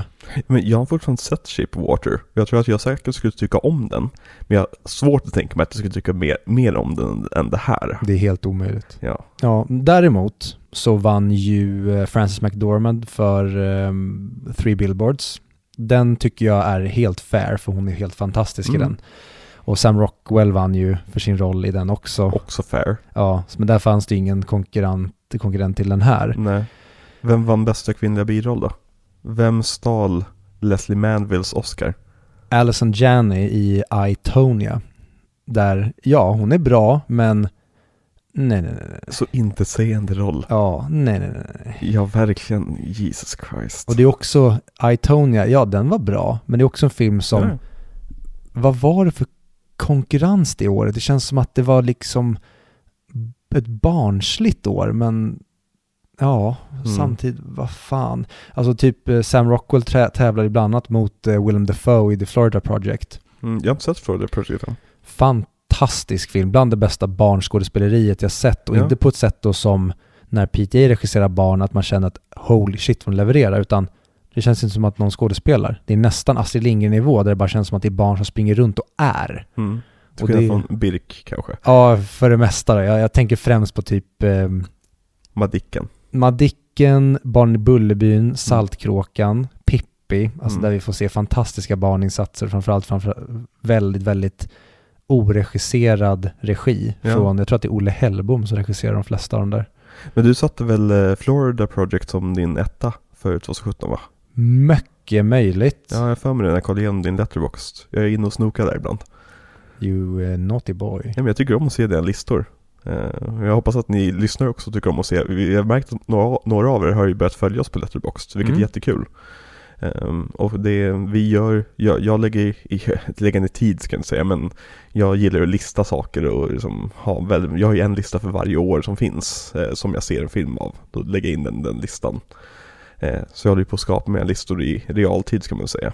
Mm. Och jag har verkligen börjat ta efter dig där när jag då till exempel ska göra en lista av en regissör. Mm. Då tar inte jag dem utifrån memory, Nej. utan då börjar jag bygga den från där jag startar listan och så lägger jag in varje film jag ser från den regissören. Precis. Jag brukar alltid, min, min, min grej när jag bygger en lista är att jag lägger in en referensfilm som jag har starkt i minnet. Och sen så bygger jag listan ut efter den, Mm. vart saker och ting hamnar. För det, jag tycker det kan vara svårt att liksom vara helt, börja naket på en lista. Jag vill helst ha två filmer på listan när jag bygger den. Eh, och sen så ser jag oftast om referensfilmen och då kan jag placera den bättre. Ja, och nu eh, tog jag upp min eh, 2017-lista här och Mm. du hade helt rätt. Florida Project var den bästa filmen det året tyckte jag. Och då kom den före Blade Runner 2049 som jag älskar. Mhm. Och sen hade vi Dunkirk på placering nummer tre. Alltså det var ett väldigt, väldigt bra filmår. Vi Den såg vi 70 mm va? På Rigoletto. Ja, det gjorde vi. Du, jag och Wasberg. Just det. Jag kommer ihåg hur besviken jag blev på Dunkirk. Och det är återigen till mina förväntningar. För jag förväntar mig en vanlig Nolan-film. Mm. Och så går, går han och gör någonting helt annat som idag är helt rätt och helt fantastiskt. Jag har fortfarande inte sett om den. Det är en sån här film jag väntar på till vår Nolan-serie. Mm. Ja, den är nice. Men Men- vad, vad, varför såg inte du den här filmen när den kom? Det var nog på grund av att Inherent Vice gjorde ett så jäkla dåligt intryck på mig. Och att den just såg så otroligt tråkig ut bara på ytan. Det handlade om klänningar. Mm. Och jag var inne i en period där jag var väldigt trött på bajsnödig film. Okej. Jag var mycket mer inne på, ja men jag, nu vill jag ha kanske inte bra, bra blockbusters, men jag vill kanske ha lite mer popcornvänliga rullar och då kändes den här som, jag tar den sen. Mm. Och sen tog jag den aldrig och jag blev aldrig påmind om att se om den för att PTA kom aldrig med någon ny film så det blev aldrig att du kanske borde se Ja. några av hans filmer inför den nya. Det kanske lite var mitt fel då. då. För det var just i den eran där jag började få, få det att omvärdera larvig film, så att säga. Mycket, mycket möjligt. Så det kanske var så att du var sugen på att ta åt dig mer sånt. Mm, det tror jag definitivt. För Mm. så mycket skitfilm som jag sett de senaste fem åren har jag inte sett tillsammans i mitt liv innan. Nej. Och det är skitroligt. Ja, det är helt underbart. Det är som att upptäcka att det fanns en helt eh, en del av ett spel som tidigare inte ens existerade. Så nu finns det en stor eh, add-on, eller vad heter det? Eh, expansion till det som man älskar nästan lika mycket som originalspelet. Ja, men alltså för att komma tillbaka till liksom det här bajsnödig film gentemot Wikipedia-tittande. Att vi älskar all film. Alltså en av de roligaste filmupplevelserna vi har haft är ju när vi såg Gotti. Som är helt underbart dålig film. Som vi, Mm. vi skrattade så att vi tjöt åt hur bisarrt dålig den var. Och jag ser ju lika, lika mycket den som, som Inherent Vice. Liksom. Ja men verkligen. Det är en film som du och jag har som en, en av våra favoritkomedier. Ja. Alltså på den, den nivån, för att det är inte en komedi på något sätt. Men vi älskar att se den som en komedi och då är den underbar. Ja, Och den tar svingar. Och det är det, alltså, det, en film får inte vara, eh, vad ska jag säga, kastrerad. För att så länge den har bals på något sätt så är det en intressant film. Ja. Den kanske inte når upp till en 5 av 5, det kanske bara når till 1 av 5 i det här fallet. Men den har fortfarande en jävla liksom, eller den tror att den har en mastodontkuk, när det egentligen är som, eh, ja, och den bara svingar runt den och tror liksom att den är skitbra. Men den, den svingar i alla fall, den försöker någonting. Mm. Som uh, You Were Never Really Here som jag såg igår. Den svingar inte. Nej. Den var jättetråkig. Den var, den var inte dålig på något sätt. Den, det fanns jättemycket bra i den. Men den var väldigt tråkig och väldigt kastrerad för att använda ditt Mm. ord. Och det hade varit mycket roligare med en film som är helt jävla galen. För att den tror att den sysslar med någonting som den inte har någon aning om att den inte gör. Mm. Nej, men, och det är därför jag tycker till exempel väldigt illa om filmen Booksmart. För Booksmart, alltså det, den är jättebra fotad, det är ett roligt manus och så vidare, men den tar inga risker. Den tar inga risker alls. Den, den preach, preaching to the choir, och den kunde varit en intressant liksom, som ett kontra, eh, en kontrarörelse mot det den hyllar. Eh, samtidigt som den hyllar det så kunde den också kunna analysera lite grann att det är så här, jo men alla de här går också på antidepressiva, de här Mm. personerna. Liksom. Eh, men istället var den, valde den att ta vägen att, nej men vi ska egentligen, vi ska hylla det här istället. Alla i hela filmen var bra på allting. Ja men precis, all, alla, det finns inga, det är som det sämsta egenskapen personen i den filmen har är att de ville vara kvar på festen lite längre än sin kompis. Mm. Och det är på den nivån den, den vågar ta det. Mm. Och så tror den att den är 10-talets Superbad Mm. och inte har en aning om vad Superbad faktiskt var för någonting. Det var en film som gjorde narr av alla karaktärer. Exakt. Ja men verkligen. Och det är kul att Jonah Hills lilla syster också. Ja. Och det känns ju som ett skämt när man säger att hon är Jonah Hills lilla syster. För att Det är Jonah Hills lilla syster. Det är Jonah Hills lilla syster, jag Ja. vet inte vad annars man kan säga om det. Ja, men det trodde jag verkligen inte. Nej. Att, ja, ja. För hon har, heter ju inte Hill, visst Nej, är det så? precis. Och hon är också väldigt bra, ska jag säga, i den Ja. filmen. Det, det, den filmen är egentligen för mig en 3 av 5. Men jag blev så provocerad över hur könlös den var. Mm. Och det, det, var, det är ingen referens till att det finns non-binary karaktärer, utan liksom, jag menar att den, den har ju som ingen stake på något sätt. Nej, den, den gör ingen upprörd och den berör ingen egentligen. Nej, precis. Och som du säger, alltså det känns bara som alla går på, alla är medicinerade och det är därför de har egentligen, eller de är medicinerade för att de är högst upp i Maslows behovstrappa. Det är bara Ja. självförverkligandet. Och då blir det gnabb om saker som inte är gnabb om och det är helt ointressant. Och det precis. handlar Superbad också om, att det blir alltså, relationsgrejer.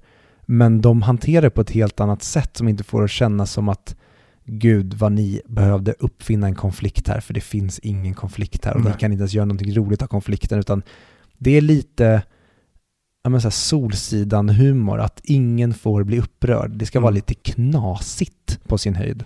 Exakt. Ja men verkligen. Och det är som Många av liksom actionkomedierna som kommer nu för tiden är också på den nivån. Att de är så könlösa. Och de är, återigen, jag menar inte bokstavligen utan liksom, de, de är så, de har ingen, inget bett åt något håll.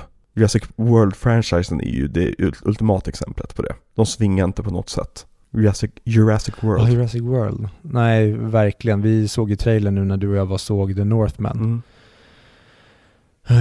Och det är så kul i trailern att de säger, det är väl Alan Grant som säger till Ellie Sattler att typ, vad, vad fick dig så här långt ut? Eller vad, vad, Mm. vad tog dig så här långt ut i vildmarken eller någonting? Och då sa vi bara pengar. Mm. För det känns verkligen som att här är det ing, ingen vill vara med längre. Eh, dinosaurierna ser förjävliga ut i, med då, då menar vi inte att det är dålig CGI, för det är det Mm. inte. Mm. Men de passar inte in i den resten av världen. Det ser Nej. inte ut som att dinosaurierna hör hemma där. Det ser framförallt inte ut som din- dinosaurier. Nej. Det ser ut som CGI-varelser, vilket var hela poängen med första Jurassic Park, att vi tror att dinosaurier finns, vilket vi inte gör i den här CGI-bonanzan. Och det känns så himla slätstruket. Det känns som att copy-pastat in bara malldinosaurier i allt. Precis, och det, det bästa med Jurassic Park, det är det att de håller på dinosaurierna så jävla länge. Mm. Så när de väl får till dinosaurierna och när de väl visar dinosaurier så känns det speciellt. Mm. Det känns som att oj, nu ser vi någonting vi kanske inte var menade att se här, nästan. Men medan Jurassic World-franchisen bara slänger dinosaurier på skärmen och då, då tar du bort udden från det. Men samtidigt, man kan också göra det på ett bra sätt. Alltså om man tar, liksom, om vi ska hylla CGI på NASA. Ta till exempel Guardians of the Galaxy. Det är en film som inte håller tillbaka på något sätt.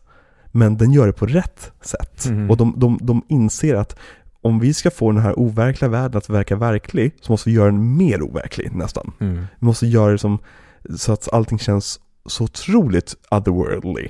Men där har de ju också fördelen att utspela sig i yttre rymden. Ja men de jobbar utifrån sina förutsättningar, vilket Mm. Jurassic World gör det motsatta.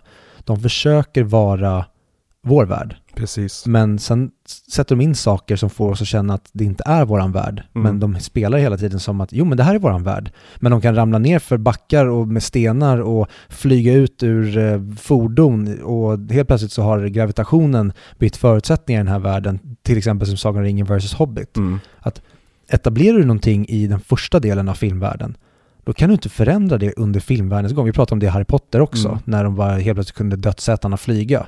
Precis. Du får inte göra så här. Och då är jag tillbaka till att men det här är bara content. De vill Mm. bara tjäna pengar. De vill bara sälja leksaker. Det här handlar inte om att göra bra kompetenta filmer som vi ska kunna se om 10-20 år. Exakt. Som första Jurassic World, eller till och med Jurassic, eller säga, första Jurassic Park och även The Lost World vad jag Mm. skulle säga. Mm.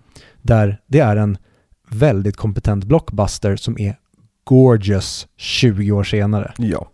Sen så kan man ju säga vad man vill om plotten i den filmen och hur hattig den är och ofokuserad. Men den är fortfarande otroligt vacker att kolla på hela tiden för att Spielberg är en jävla mästare. Ja men ta bara scenen med, vi ser de Gallimimus, de små, Mm. som äter upp Peter Stormare. Mm. Hur ont det gör när Ja. de tar bett från honom. Precis, och det är en riktig varelse som biter honom i näsan. Så när han drar i den så rör sig ansiktet och näsan på rätt sätt. Men det är också, det är därför jag har så jävla respekt för James Gunn. Alltså det är verkligen, han, han är den moderna filmskaparen som jag verkligen respekterar och är spänd på att se vad han kommer göra i framtiden, alltid. Mm, han får gärna göra typ vad han vill för mig. Ja. Släng in honom i vilken franchise som helst. Ja, Men, och jag tror att han, det han gör till skillnad från väldigt många andra, det är att han planerar allting in i minsta detalj. Han har ju, han har ju alltid storyboardat varenda liten bildruta i filmen sen innan. Så det finns liksom aldrig någon director's cut av James Gunns filmer. För att hans director's cut sker i filmningen. Mm. Eh, och det gör ju alltid så att allting känns så väl uttänkt och väl planerat. Och sen har han ju bara ett väldigt, väldigt bra öga. Helt otroligt öga. Mm. Nej men det är alltså, bara jämför Suicide Squad och Guardians of the Galaxy. Två väldigt, väldigt olika filmer som spelar i samma genre. Men som gör ungefär samma sak i slutändan. Mm. Att det handlar om den här hittade familjen. Och han är, han är uppenbarligen father issues. För alla hans filmer handlar om en pappa som har övergett någon. Mm, och som PTA, samma sak. Alla hans filmer handlar om män som är väldigt eh, brutna eller märkliga på sätt som, och de har väldigt konstiga relationer till kvinnor. Ja, men jag undrar Men- som med PTA, om han liksom när han sitter och skriver ner ett manus bara, ah, men kan jag komma på en intressant karaktär här så, vad fan nu är det jag igen. Ja. ja, ja jag fortsätter då. Och med tanke på hur jävla underbar han verkar vara som person så skulle det där mycket väl kunna hända. Han går och visar manuset för Maya Rudolph och hon bara Men Paul, nu är vi här igen. Vänta, är han gift med Maya Rudolph?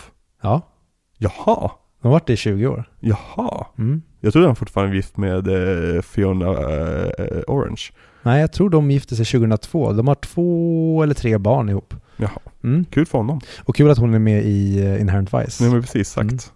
Ja, hon, hon, verkar, hon verkar skön och svängig. Mm, de, det verkar vara ett väldigt sunt par utifrån det lilla jag läst. De verkar ha sunda värderingar och de verkar måna om familjen på ett väldigt traditionellt sätt och väldigt icke-modernt när det kommer till kända familjer. De har, verkar noll behov av att hora ut sig eller bjuda in media någonting utan det är, de råkar bara jobba i showbusiness. Utöver det vill de inte ha med det att göra. Ja men precis. Och det som, det skapar ju också mystik runt dem på ett sätt. Mm. Det är som, som eh, Daniel Day-Lewis som säger liksom att, så, men varför ska ni veta någonting om mitt privatliv för? Mm. Det kommer ju bara göra mig till sämre skådespelare. Och samma sak med eh, Philip Seymour Hoffman då Mm. innan han tragiskt nog dog. Han hade varit kul att se i den här filmen. Kanske inte som huvudrollen, men som kanske doktorn eller någon bikaraktär som skriver in.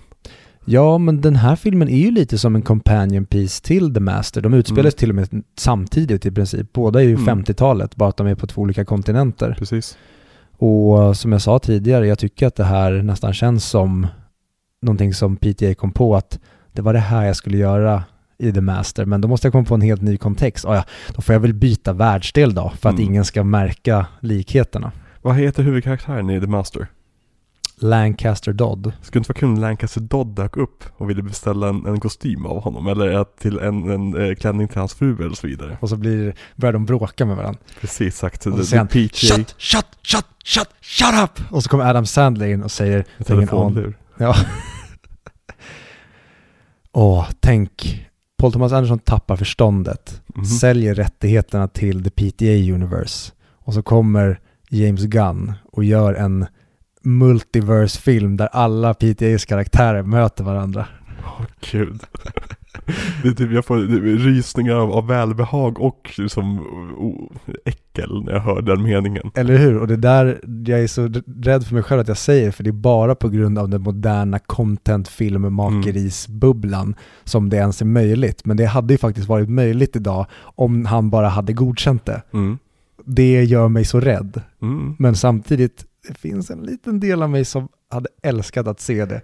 En sån sak som jag bara sitter och väntar på kommer hända, för det är typ oundvikligen att det kommer hända. Det är det att när Star Wars är helt utpumpat på allting och Marvel helt utpumpat på allting, då kommer de två universumen mötas på något sätt. Vilket kommer vara skitroligt. No!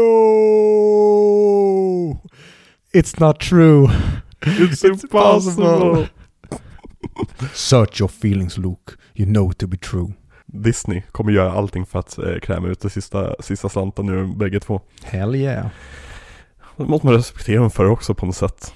Och här har vi då favoritscenen. Ja, jag älskar det här. när Alma går in och eh, Barbara hette hon. Jag vet inte var jag fick Mm. Rose ifrån. Någon annan, hon kanske heter Barbara Rose.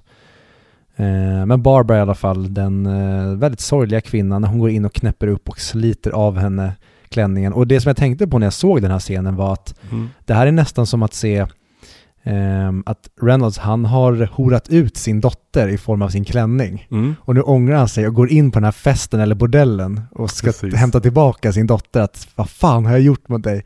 Och så bär de hem henne. Och bara den där grejen att sonen heter Cal. Mm. Vilket får en att tänka på eh, Titanic. Eller för mig i alla fall med Bill Zanes karaktär som heter Cal. Det är väldigt såhär brittiskt överklassnamn. Mm. Calvin. Ja. Bill Zane hade ju, har du sett Gravity? Mm. Du vet ju hur, hur eh, George Clooney är med i den. Hur eh, syskonen eh, Ocean åker ut i rymden. Ja men precis. Men George Clooney är med, och George Clooney spelar ju alltid som the calm collected cool guy. Ja. Och du vet när han, när han, eh, spoiler alert, när han då låtsas och flyter ut i rymden. Hur han fortsätter vara co- cool and collected. Mm. Bill Zane hade idén att om man ska göra Gravity ännu bättre, det ögonblicket när han ska börja få panik och skrika. Alltså George Clooneys karaktär. För att det har vi aldrig sett George Clooney göra tidigare och det hade känts så jävla mycket. Och jag känner bara att fan Billy Zane alltså, du har koll på grejerna. Verkligen. I vilken kontext sa han det här? Eh, någon, någon, någon intervju när man bara pratar om som moderna filmer. Mm. Det hade varit magiskt. Billy Zane är ju briljant i community. När han spelar eh, eh, Honda eh. Gud, jag minns det här knappt. Han är ju den som anlitar Brittas pojkvän. Honda. Ja! Med skägget och han sitter i baren och när han ska försvinna så här, You have to look away now. Gud, vilken bra storyline det är. Ja, åh, community. Alltså allihopa, vi har snackat om community tidigare. Bara, bara se det. Ni har inget val. Ni får inte fortsätta lyssna på podden om ni inte ser community. Nej, det är helt jävla fantastiskt. Jag såg, eh, det är väl trampolinavsnittet som är samma avsnitt som eh, Dark Knight-DVDn va? Eller så såg jag de avsnitten efter varandra. Men både den delen i community, jag är amazed över hur bra manusförfattande det är. Ja men han, Dan Harmon har ju sin storycirkel. Eh, så vi kan säkert kan gå in på någon gång i framtiden när vi pratar om något Harmon-projekt. Eh, men han är ju briljant eh, på Mm. att skriva sina manus. Det är ju, Helt otroligt. och bara det här att det visar sig att han är nazist. han som äger trampolinen. Bara, ja, mm. Han säger väl det, det, var, det är väl det här, det var det här jag fick räkna med när jag tog in en svart snubbe. Ja precis, exakt. Och så bara, yeah, what? Åh nej gud. Det, det är nog mitt favoritskämt i hela community, just för att det kommer från ingenstans och sen så får man liksom klipp tillbaka till nyinspelade scener då när han liksom eh, pratar om purity och this is the only place where I can escape och ja, nej det Åh. den biten och, och eh, hela grejen med eh, Air Conditioner Repair School är ju Ja. mina favoritbitar i community. Jävlar vad bra det är Ja. när John Goodman kommer in. Ja, med hans, jag har redan berättat anekdoten om John Goodmans hår. Mm. Hur de bara var tvungna att men du ser ut så på grund av en filminspelning. Ja men då får vi skriva in en liten line om att du går igenom lite grejer just nu. Ja, det communitys universum är så jäkla bra. Bara Mm. ta um, Leonard, bara det gaget. Shut Mm. up Leonard, att det är en jättegammal gubbe som går på skolan. Eller att Dean, han har ingen business att vara Dean över den här skolan. Nej nej. Och att det blir sen under seriens gång att det blir som varje avsnitt ska han bara komma in i väldigt extravaganta outfits. Mm. Så, och att det blir hans favoritgäng, den här studygruppen, så han ger dem privilegier. Ja, Det Precis. finns så mycket bra och bara paintball-avsnitten, det är...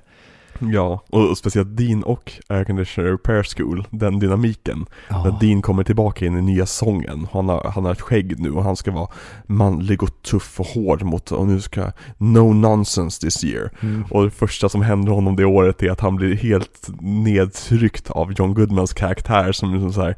Du fattar inte, det är ni som är annex till oss. ja, Vi drar in alla pengar här, du har ingen makt din patetiska lilla pojke. Och så rycker han av honom mustaschen här för mig. han kallar honom för imp. Ja, Och så när han ska svara så säger han I forgot everything you said after rectum. Just ja. Gud, Dean, Dean är också en karaktär som är så väl kalibrerad. Ja, helt, ah, är helt Den hade så lätt kunnat bli överdriven och irriterande.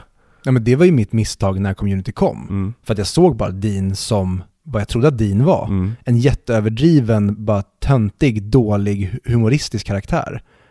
Och sen hade jag så jävla fel och tio år efter Community har gått så introducerade du mig för det och man bara vad jag har missat det här mästerverket. Ja, och samma som Brida. Skulle också kunna lätt bli en så här super, super woke, liksom eh, jätteirriterande person som alltid ska kläppa folk på näsan. Men det visar sig att hon är ju dum i huvudet. Så då blir det bara roligt. Hon, hon, är som, hon går alltid, och det blir som ett skämt att hon alltid går i det mest liksom vad ska jag säga, PK-spåret liksom och har fel om saker och ting och liksom Ja. råkar vara typ mer rasistisk än de hon kritiserar med vissa saker hon säger och de kallar henne ut på det också. Mm. Eh, You brid at it. mm, Att det blir ett verb, verb på skolan, att när någon förstör någonting, då har man brittat. mm, mm. Ja, det är så jävla bra. Och bara med, ehm, det är väl när um, Abed blir introducerad för, um, vad heter den, Time Inspector. Mhm, Ehm. Inspector Spacetime. Ja, när hon förstör en serie för honom Ja just och han blir katatonisk. Och jag älskar hur Troy är så jävla arg och ruthless mot henne i avsnittet att han verkligen, jag hatar dig! Varför måste du ens finnas? Alltså relationen mellan Troy och Abed var typ det bästa de kunde hittat ur de karaktärerna. Mm. Det var ju inte tänkt från början och det märker man också typ de fem första avsnitten. Ja, Troy är ju någonting helt annat i början. De, de hänger ju inte tillsammans. Nej. Men det är när de väl liksom, jag tror det är när de ska hantera musen tillsammans. Eh, I typ Science Lab. Mm. Som, och den, de ska lära, de ska sjunga duett till den. Och sen så rymmer den och sen så måste de hitta musen genom att sjunga duetten. De sjunger 'Somewhere Out There' tillsammans. Det var där någonstans de hittade, aha, de här två karaktärerna passar jättebra tillsammans. Mm. För att då kan vi säga att Troy som är hård på ytan egentligen har en jättemjuk insida. Och jag älskar hur mycket av den pojken han blir sig resten av serien. Ja, ja. Och hur blåst de gör honom. Och hur väl det funkar. Ja, och snäll de gör honom. Mm. Och mogen också. Även fast han är den här pojken som tar mogna beslut. Till exempel som, ja, spoil, spoiler alert. Nej, vi, vi ska inte spoila. För den som faktiskt vill se så kanske inte vi ska spoila karaktärsöden. Nej, men det spelar typ egentligen ingen roll. Det, det är så mycket kaos i den serien och Nej, saker men- flyger upp och ner. Väldigt, väldigt bra karaktär. Men eh, har vi någonting mer om själva filmen i sig? Det, jag tycker att det här är en film som är lite svår att prata om. I det att så här, vi kan sitta och bara hylla och hylla och hylla men det är, det är en film som är väldigt intern. Alltså man har väldigt mycket så här känslor om den som kanske är svårt att sätta på papper. Mm. Ja, egentligen det är väl olika scener som är nämnvärda. Um, ja, men bara ta, en, om man kommer tillbaka till Cyril och hon verkar som den här hårda, kalla Ice Queen genom hela filmen. Mm. Men sen helt plötsligt säger hon rakt ut att jag har verkligen börjat tycka om Alma, Mm. säger han till Reynolds. Och den grejen i en helt annan film hade kunnat kännas bara, va? Vad märkligt. Men i en PTA-film blir det att, gud, den här känslolösa kvinnan säger rakt ut att hon verkligen tycker om den här kvinnan. Precis. Det här är something else. Och hon har förstått vad Alma har för funktion för Reynolds och vad, att hon faktiskt är kvinnan som kan bryta hans förbannelse. Jeremy Irons tänkte jag. Ja, det var det namnet jag sökte för en halvtimme sedan. Mm. Ja, han hade verkligen kunnat göra den här. Mm. Kul hade det varit lite som en revival från honom, för vid det här laget var väl han ganska bortglömd, eller hade... Här var han ju Alfred. Ja, det är redan kommit. Ja, det är ju 2017.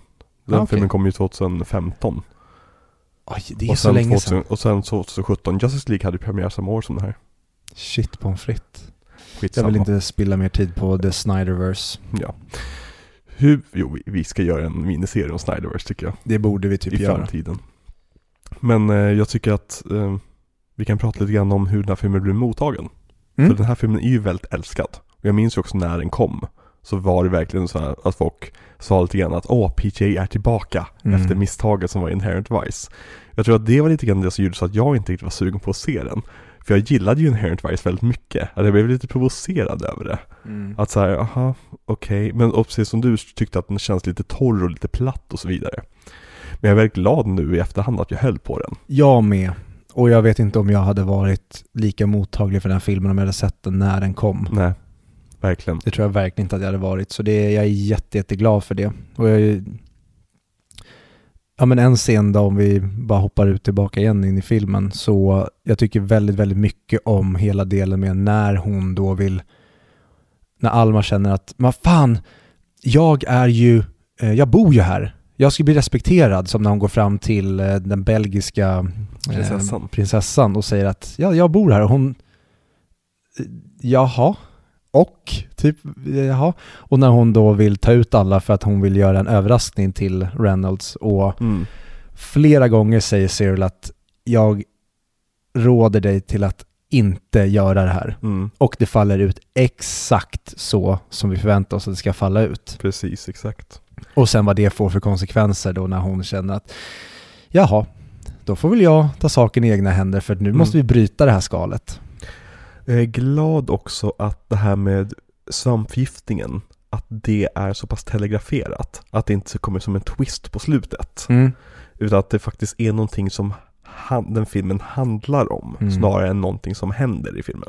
Ja men ta då Power of the Dog, Mm. där vi får reda på att saker har inte varit som de har varit. Nej. Utan vi får reda på att "Åh, jaha, det var därför du gjorde sådär. Mm. Eller ja, det var okej, du har inte alls varit på det här sättet. Utan här, som du säger, har vi fått reda, vi har varit med i hennes business från början. Mm. Och det är till och med en del till varför det har blivit, varför vi befinner oss där vi befinner oss. Mm. Det är för att vi har hängt med på den här resan. Och jag älskar slutet när han tittar på henne och vet om att aha, det är dags för förgiftningen igen. Mm. Och man bara ser på honom att fucking love you. Mm. Du är min, du är den perfekta motsatsen till mig och du gör mig så levande. Precis, exakt. En som, han, han ville bara ha en mamma. Mm. Det är stort jävla Oidipus-komplex. Ja. Men eh, ska vi gå in i nästa del som är en ny del av vår podcast? Vi tänkte köra lite grann. Mm, en eh, liten testpilot. Ja men precis, vi, vi, vi ska köra lite box office game som vi körde på Patreon förut. Fast det här kommer vara lite mer rippat. Så det jag kommer göra är att Viktor kommer alltså försöka förhöra mig på veckan där den här filmen fick premiär, storpremiär då. Och vi kommer, jag ska gissa mig fram till eh, topplistan den veckan helt enkelt. Så vilka filmer som drog in mest pengar.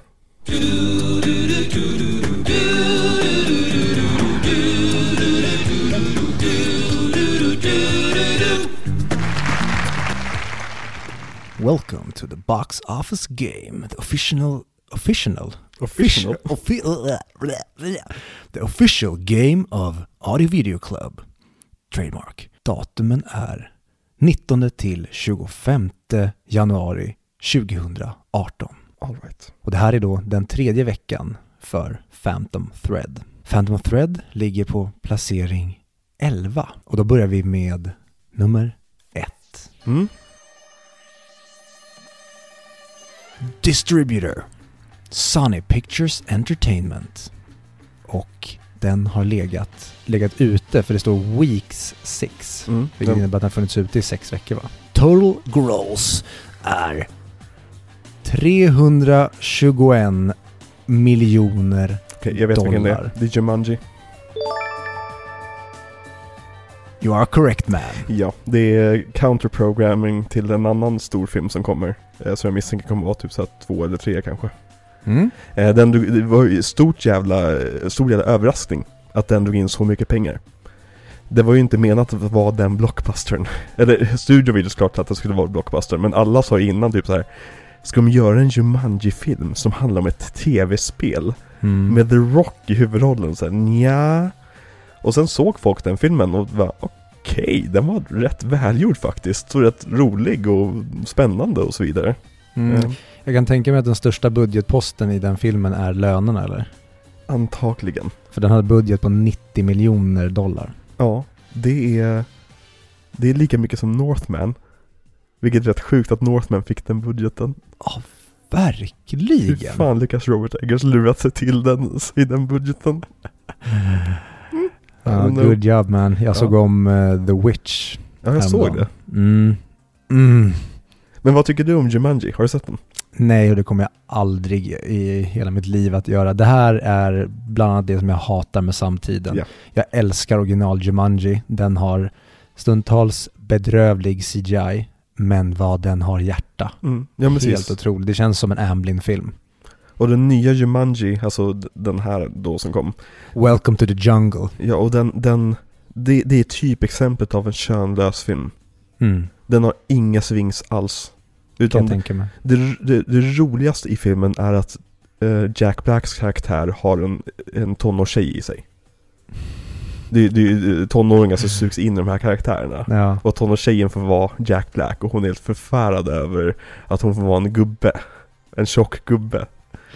Eh, vilket, vilket är väldigt mycket kul humor i det. Men det är typ det modigaste den filmen gör. Mm, kul för Jack Black att han får vara med där på ett hörn. Ja precis. Och Nick Jonas är med. Eh, Mm. det var typ det som gjorde så att han fick av en filmkarriär. Okej. Ja. Jonas bröder. Yes. Okej, nästa film på listan. Number two. Distributor. Warner Bros. Weeks. One. Total omsättning. 21 miljoner dollar. Hittills. Det är alltså, den, den drar in rätt mycket. Det är ingen blockbuster. Ingen stor blockbuster. Hur många skärmar? Ser du det? 3000. Jesus, okej. Mm, Jumanji hade 3700 så det är ändå många. Ja, precis.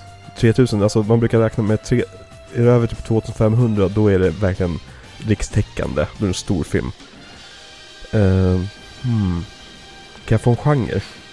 Den, den kategoriseras ju in i fyra genrer. Okej. Vill du ha den första eller vill du ha alla fyra? Ge mig alla fyra. Action, drama, history, war. Är American Sniper? Nej, nej. Den var tidigare. Den typ 2014 va? Ja, men jag skulle säga att du inte är liksom ute och cyklar. Okej. Hmm. Ge, ge mig någon till ledtråd. Hmm. Någon skådis kanske? Vem skulle jag kunna ge då? Cast information. Vad har vi då då? Den som är först på castlisten är Chris Hemsworth. Det här är en film jag typ inte ens visste om fanns. För jag Ja. hade nog gissat på en helt annan film om jag fick bara höra titeln. Ja. Och jag har definitivt inte sett den. Jag tror inte du har sett den heller. Det är någon sån här film som bara flög Mm. rakt över våra huvuden. Så den är antagligen väldigt amerikansk. Hell yeah! Är, är, är, det- är det en så här kristen film kanske? Nej, nej, nej, nej. Är det den där Benghazi-filmen? Vad är Benghazi? Benghazi var en, en, en stad i Mellanöstern där det fanns ett amerikanskt konsulat som blev attackerat av eh, terrorister. Eh, när, eh, Vill att jag läser ehm, synopsisen? ja, ge mig synopsisen. Hannah Ha tells the story of the first Special Forces team deployed to Afghanistan after 9-11. Mm. Under the leadership of a new captain, the team must work with an Afghan warlord to take down the Taliban. Gud, de heter ju så generiska saker de där filmerna. Jag tror Ja. jag vet vilken film det är. Den hade typ kunnat heta Lone Survivor. Alltså ja men det- precis, det är Lone Survivor eh, som jag har i huvudet. Um, Okej, ge, ge mig lite ledtrådar om, om, om titeln. Jag tror jag vet vilken film det är, men jag behöver ledtrådar om vad titeln har för komponenter. Det är nästan... Det är drygt ett fotbollslag starka. Hur många är det ett fotbollslag? 12 strong. Boom! Correctus! Den satt långt inne. Ja, alltså det här är en film som... Ja, men 12 strong, men jag hade typ gissat på att... Ja, men det är väl en typ brandmansfilm? Ja, nej men, ja, nej det är ju den här i Af Afghan-Irak-konflikten, filmer som man aldrig ser. Precis. Som till exempel Lone Survivor. Som jag såg bara för att den var en typ movies in förhandsvisning. Mm, ja, precis. Åh gud. Ingen usel film, men ingen bra film. Är det nummer två alltså? I och för sig, ja men det är Patriot som ra-ra liksom. Mm. Jo, ja, gud. All right. Det, det värsta är när sådana filmer dyker upp, eller typ så här när en Medea-film dyker upp. Du vet Tyler Perrys eh, franchise som han har. De- Nej. Okej, han, det är typ Big Mamas House fast Tyler Perry. Han, eh, Det är det jag blev Ah. rik på. Mm. Och det kommer, de dyker alltid upp på topplistan överallt. Och Mhm. jag, jag sätter dem aldrig när jag spelar det här spelet. Eh, Så det kommer bli kul.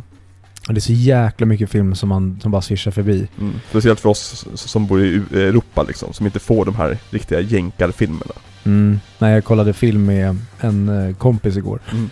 Och när vi skulle titta efter filmer så gick vi igenom de största streamingsidorna. Mm. Och sa det att det är helt amazing hur mycket content som skapas. Det är så mycket nytt hela tiden. Vi Ja. fattar inte, var kommer alla pengar ifrån? Det är så mycket hela tiden och att mycket av det här faktiskt går plus. Det amazes mig. Number three.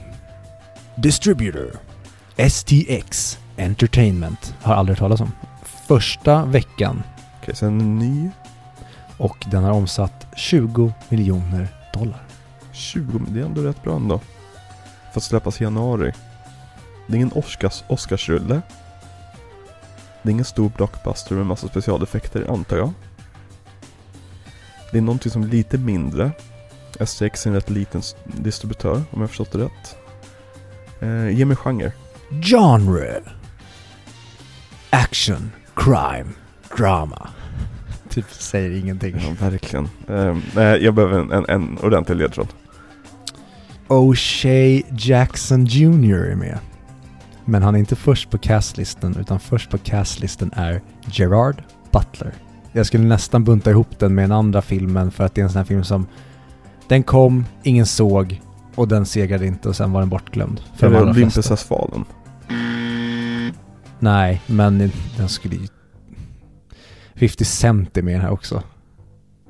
Okej, jag, jag, behöver, jag behöver någonting mer. Vad handlar filmen om? An elite unit of the LA County Sheriff's Department and the state's most successful bank robbery crew clash as the outlaws plan a seemingly impossible heist on the Federal Reserve Bank. Åh oh, jösses, regissör. Christian Gudegast. Okej. Och du har Pablo Schreiber. Ja, det var väl den som jag inte hade sagt av huvudcasten. Åh, nej, nej, nej! Thieves Gambit! Åh, fel, men det var nära. Den of Thieves. Den of Thieves, fan. Det är så, ja okej. Mm. För den, den såg jag inte, däremot blev den rätt hyllad. Den blev, Mm. eh, folk tyckte om den, har för mig. Den of Thieves. Den har 7,0 på IMDB, så Ja, det är ändå precis. högt. Det, det var lite grann så här, hmm. Gerard Butler verkar ha hittat sin grej här. För att han var väldigt seriös en gång i tiden. Men tydligen ska den här vara lite mer komiskt Mm. eh, uppriden. Förstår. Ja, men vi kör hela topp 5 då. Ja, kör hårt. Eh, number 4. Distributor. 20th Century Fox. Weeks. 5. Gross. 49 million dollars. Det var Fox vecka 5 som släpptes i december 2017. Hur mycket hade de dragit in? 25 hittills. Nej, 49. 49 hittills. Mm, på vecka 5. Hur mycket har den droppat som tidigare i veckan? Mm, 41,7. Okej, så det var en film som kom ut, folk såg den och sen så tappades intresset. Vilken, vad är det för genre? Vad är det för genre? Rakt upp ett drama. Är det Little Women? Vill du gissa på det? Ja, jag gissar på det. Det är fel. Okej. Ja, men ge mig en till ledtråd då. Ehm, den här filmen var väldigt dekorerad på Oscarsgala. Ah, Okej, den blev bara... Jag trodde att det här var en större slam på Oscarsgalan, så det är jag som är ute och cyklar här. Men den blev nominerad för bästa film Mhm. och nominerad för bästa actress in a leading role. Ja, det är ju inte I, Tonya i så fall då. Nej, jag behöver någonting mer. Jag behöver en skådespelerska eller något. Oh, hur ska jag kunna avslöja här utan att jag ger iväg för mycket? Bob Odenkirk är med och han är bildad som den fjärde personen. Men fan, jag ville ju säga Little Women. Men det, Ja just det, han är med i den. det är typ den bästa scenen. Det finns ju folk som har aktivt tagit scenen när han kommer hem igen. Mm. Pappa, när de tagit och klippt på eh, endgame-reaktioner när folk applåderar när Captain America lyfter. Det, det är den roligaste memen jag har sett. um, fan, Bob Odenkirk. Okej, ge, ge mig trean på castlistan. Sarah Paulson. Det är en eh, väldigt stor castlist. Mm, Okej, ge mig någon, någon mer på castlistan då. Jag kan inte ge dig ettan och tvåan, Nej, okej. men jag kan ge dig eh, Alison Brie, Carrie Coon, Jesse Plemons, David Cross, David Cross, där, där, jag ser honom framför mig, han har skägg i den här rollen, eller hur? Bruce Greenwood, Ja. Bradley Whitford, Tracy Letts är några namnen. Genre, drama. Eh, fuck me. Regissör. Det går inte. Jo men säg det. Eller ge mig en hint. Steven Spielberg. Är det The Post? You are correct ma'am. Woohoo! Nice, okej. Ja, och men- den som var nominerad var ju Meryl Streep. ja, precis. Och Tom Hanks var ju också nummer ett då. Mm. Okej. Mm. The Post är så här väldigt, väldigt steril film också. Som Ja. inte, och den gjord för, den gjord för snabbt. Alltså de, de, den, den skulle ha mått bra av att vänta tio år till och gjort den lite längre. För känslan tar slut när det börjar bli intressant. Ja, det var en riktig jävla axelryckning tyckte jag. Mm. Och där kände jag bara, men Steven för i helvete. Om du inte ska göra dina CGI-bonanzan, Mm. varför gör du sånt här? Ge oss typ en musikal och så fick vi... Nej, det var inte det jag önskade då, men med facit i hand är jag väldigt glad för det. Brorsan och hans fru såg ju eh, West Side Story. Mm. De tyckte inte om den alls. De tyckte att den var långtråkig. Och jag känner bara att jag vill se upp kontakten med min släkt. Långtråkig.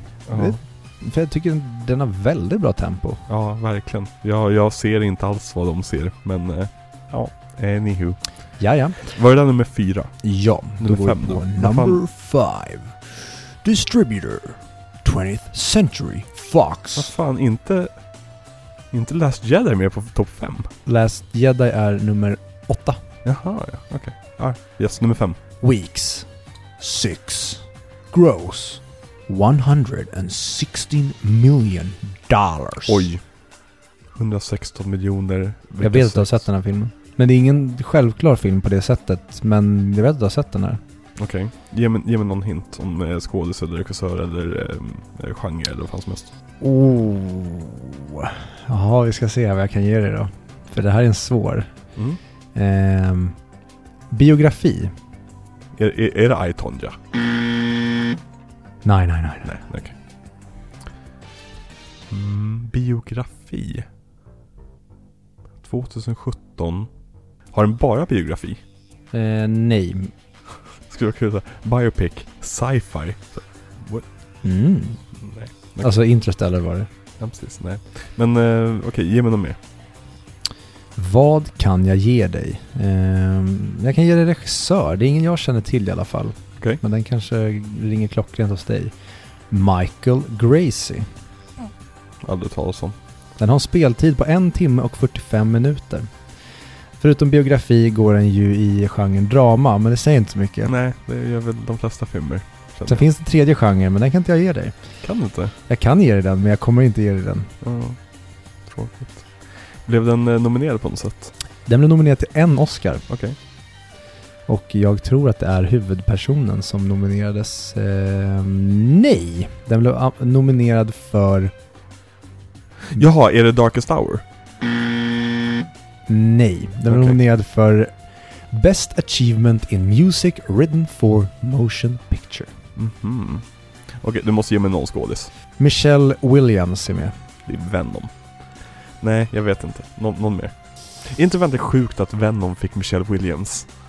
Och Tom Hardy. Verkligen. Och tänk då med dem vad det hade kunnat vara. Mm. Tänk om du hade kunnat få en riktigt kompetent Venom-film med de två skådespelarna. Har du sett Venom? Nej, men jag har ju sett delar ur Venom och det ser ut som en galen film. Jag tycker vi ska se Venom på Patreon när vi kör vår nästa miniserie. Mm. Och Venom 2 och sen Morbius. Det hade kunnat... Perfekta DVD-kommentarer. Ja, det varit kul att starta någon slags Sinister Six, köra lite skurkgrejer på Patreon nu när de ändå verkar ha lite galna Verkligen. grejer. Eh, Okej, nej men någon mer skådis? Förutom Michelle Williams. Zac Efron. Ja, är det, är det Ted Bundy-filmen? Nej. Fan, i biografi? Ja, han spelar inte huvudrollen.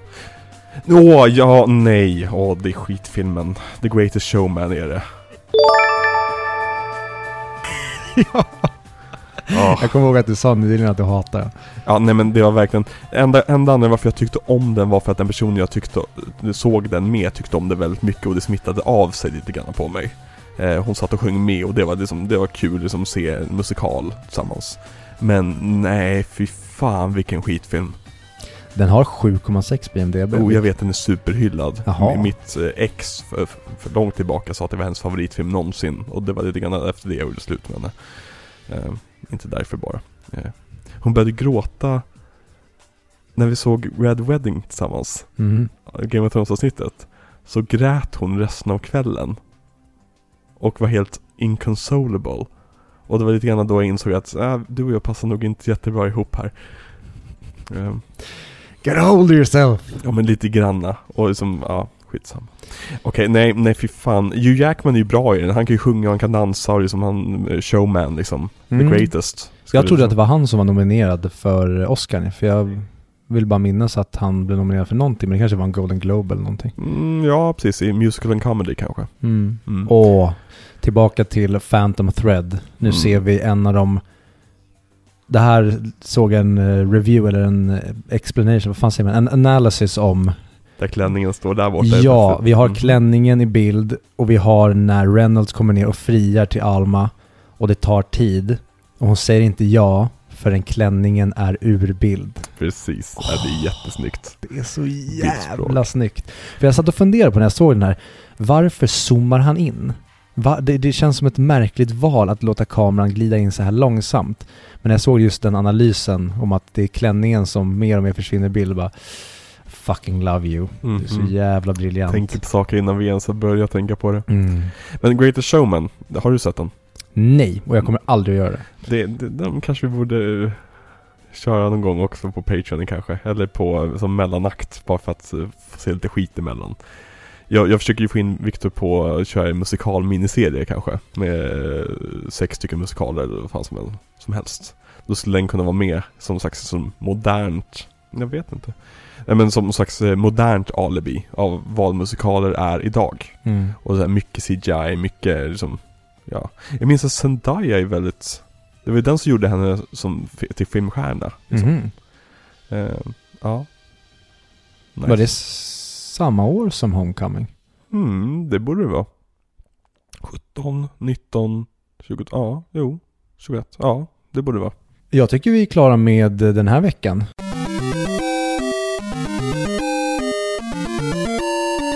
Och, eh, Tyckte ni lyssnare att det var kul att vi lekte det här spelet? Nu var det lite annorlunda än när du och jag spelade det. Mm. Men då var det också att du och jag spelade det och ehm, ja, men vandrade oss igenom det tillsammans. Nu var det mer att jag egentligen bara bollade upp för dig. För att det här ja, var nytt för mig också. Jag tror det, det är väldigt, jag tycker, det är väldigt kul spelare. Mm. Man verkligen sitter och så här, analys- tänka efter så här, men va, vänta, vilka filmer kommer för vilken tid av året? Okej, de har dragit in så här mycket, okej, den droppade så där mycket, alright. Det, var, det är ett väldigt svårt spel tycker jag.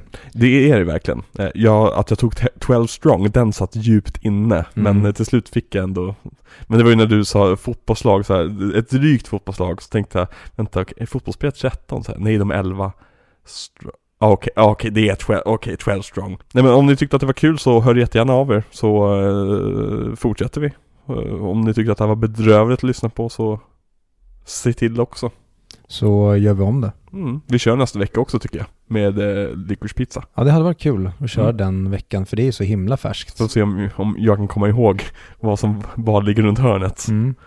Ja, Ja. verkligen. Ja, den, den är roligare än den här som vi körde nu. Och det, Det, det svåra är om vi skulle köra någon film från typ 70-talet. Då kommer inte jag kunna ta en enda film typ. nej, nej, och du och jag på Patreon, vi körde ju eh, veckan där bland annat Lejonkungen var med. Mm. Det var ju en Och- kul vecka. Ja, den var kul men också jävligt svår. Det dök Mm. upp väldigt oklara. Vilken, det var någon superhjältefilm. The Shadow. Men eh, har vi några avslutande ord om, om eh, Phantom Thread? Alltså det finns så mycket att säga men samtidigt så lite att säga. För som Mm. du sa, det är mycket bara att vi runkar av den. Det är en helt jävla briljant film och uh, vi kommer ju komma till rankingen av hans filmer nästa vecka. Mm. Så det blir väl mer kanske att man återgår till den då. Och nästa vecka ska vi också avslöja vad nästa miniserie handlar om. Mm. För er som inte har lyckats lista ut den. Ja, för ni som är på Patreon har redan fått veta det för vi har ju nämnt det i några av våra avsnitt där. Precis, och även ni som bara lyssnar på main feeding har säkert själv listat ut det med tanke på saker jag har sagt i tidigare avsnitt. Mm, tror du? Ja, det tror jag säkert. Och Ja. ni, kan, ni kan väl göra så att, att om, ni kan väl gissa under, under vår Instagram-bild eller på Twitter. Eh, vad tror ni nästa miniserie kommer vara? Tycker jag låter som en eh, utmärkt idé. Yes. Och innan... Vad sätter du för betyg på den här? Det är 9 av 10. Mm, 4,5 av 5. Definitivt. Den kommer säkert höjas till en 10 av 10 när man ser om den, känner jag också. Ja, och just att den känns som att, som vi nämnde, den kommer i fel tid. Det känns inte som att det här är en film från 2017. Det här känns som en film från 1970. Mm. Och det känns som att han borde inte fått pengarna till att göra det här. De borde ha, vid, alltså efter Inherent Vice borde någon ha sagt Nej du, nu räcker det. Annapurna. Ja, och nu var det ju en co-distribution mellan Focus Film och Annapurna. Mm. Och det är kul att båda de vill vara med på tåget. Och jag är... ehm, Focus är ju väldigt så här indie darling också. mm, De, de tycker om att finansiera kanske inte så finansiellt gångbara filmer. mm. Ja, för den gick ju inte superbra den här heller, Box Office. Nej, det gick väl minus antar jag. Ja, så det är återigen kul att eh, riktigt bra film får pengar trots att de inte drar in the big buck. Mm. Och det gör väl typ honom till ett unikum idag. Han är ju inte som någon annan, varken hans filmer eller hur han får finansiering och även hans liksom, kritik. Mm. Han är så himla hyllad jämt. Men Verkligen. det är inte så många som går och ser det. Och som du sa, det är ingen Wikipedia tittarvänliga filmer som han gör. Nej, alltså det närmsta är som om man ska ta... Nej men det här kan vi prata om nästa avsnitt. Då gör vi det, Sammanfattningen. helt Så enkelt. nästa vecka blir det då Licorice Pizza. Och den finns inte att se någonstans alls om ni inte köper Blu-ray eller hyr den. Nej, för den går fortfarande på bio såg jag. Ja precis, ni kan ju gå på bio och se den. Den, sen vet jag inte hur det ser ut när det här släpps. För det här är ju, Nej, vi, det här Det är om några veckor. fyra veckor, tre? Något sånt. Vi har precis, när, dagen vi spelar in det här släpper vi också There Will Be Blood avsnittet. Just det, och sen har vi Så- då Master, Vice, Inherent, ja så det är tre veckor Ja. fram. Den borde ligga kvar på någon typ Sita, bi, några små, små biografer, kanske med Mm. svenska bio. Yes, men eh, tack så jättemycket till alla våra kära lyssnare som eh, lyssnar, oss, lyssnar sig igenom vår Paul Thomas Anderson miniserie. Mm. Och um, nu avslöjar vi nästa vecka vilken miniserie eller vilken filmserie vi kommer Mm. köra efter. Men vi kan eh, lova att det blir bra mycket glättigare än det här. Va, vad menar du? Det är superallvarlig, eh, jättemörk filosofisk drama vi kommer prata om. Ja, i och för sig, man kan ju se det så också. Vi kommer prata om Snyder Cut i fem veckor i rad. Vi kommer analysera varje timme av Snyder Cut. Vi kommer analys- analysera varje timme av Joss Whedon Cut. Mm. Och Precis. även prata om då Man of Steel och eh, vilka som är de mörkaste bitarna av alla DC-filmer. Precis, och så vi kommer också dedikera ett helt avsnitt till att jämföra power levels med de här Mm. eh, karaktärerna. Och Ja, för det, mm, vi kommer även ha med en gäst i eh, nästa, mm, eller kommande miniserie. kommer vi? Mm. Du har, du, har, du har fixat det? Ja. Det är inte eh, det den gästen jag hypade upp för några veckor sedan att eventuellt kanske om, om alla stjärnor Nej, utan det här är våran power level-expert. Ja, det är ju Fredrik Billberg som kommer. Ja. Fan vad roligt. Mm. Okej, vi var ironiska. Det är inte Snyderverse vi kommer att prata om, men, men eh, nästa vecka får ni veta. Ja, helt Ja. enkelt. Och med det sagt så får vi helt enkelt eh, äta en äggomelett tillsammans nu tycker jag. Mm. Och vi skulle verkligen vilja tacka alla våra underbara Patreons för att Ja. ni fortsätter hjälpa oss i jakten på Harry Potter and the Cursed Child. Precis. Som jag nästan tror att vi nästan borde klubba, att vi snart typ borde boka Mm. ehm, London i höst och bara se till att gå på den oavsett om vi når mot vårt mål eller inte för att vi tycker så himla mycket om er och bara vill ge er den eh, roadtrippen helt enkelt. Precis, exakt. Då kommer ni kunna vänta er väldigt många roliga Patreon-specialer. Ja, Sagt, jag, jag, jag gillar idén som jag kommer på själv. Ge mig en liten klapp på axeln om att ta med en mikrofon in på fotbollsstadion och spela in ett, ett avsnitt under en fotbollsmatch. mm, Det hade varit roligt tror jag. verkligen, verkligen. Men eh, tills nästa vecka så um, ta hand om er. Se till att läsa på vilka svampar ni äter innan ni äter dem. Mm, klä er ordentligt. Precis. Sy inte in era, era mammors hår i era jackor. Gud. Åh, vi har inte ens pratat om den scenen, men hur hårresande scenen är när han ser sin mamma. Och det är nästan så att man tänker att det ska bli en jump scare där. Ja, och det är så otroligt mycket värre när den kameran bara ligger på henne. Mm. Mm. Och tillbaka till The Witch som jag såg om häromdagen. Den filmen arbetar ju väldigt mycket med att kameran åker långsamt in på det som är obehagligt. Mhm. Och man bara sitter och tänker att klipp bort, ta, ta bort, bort, jag vill inte och sen så kommer det bara närmare och närmare och det bara vrider sig hela kroppen på en. Den filmen har för övrigt en jump scare.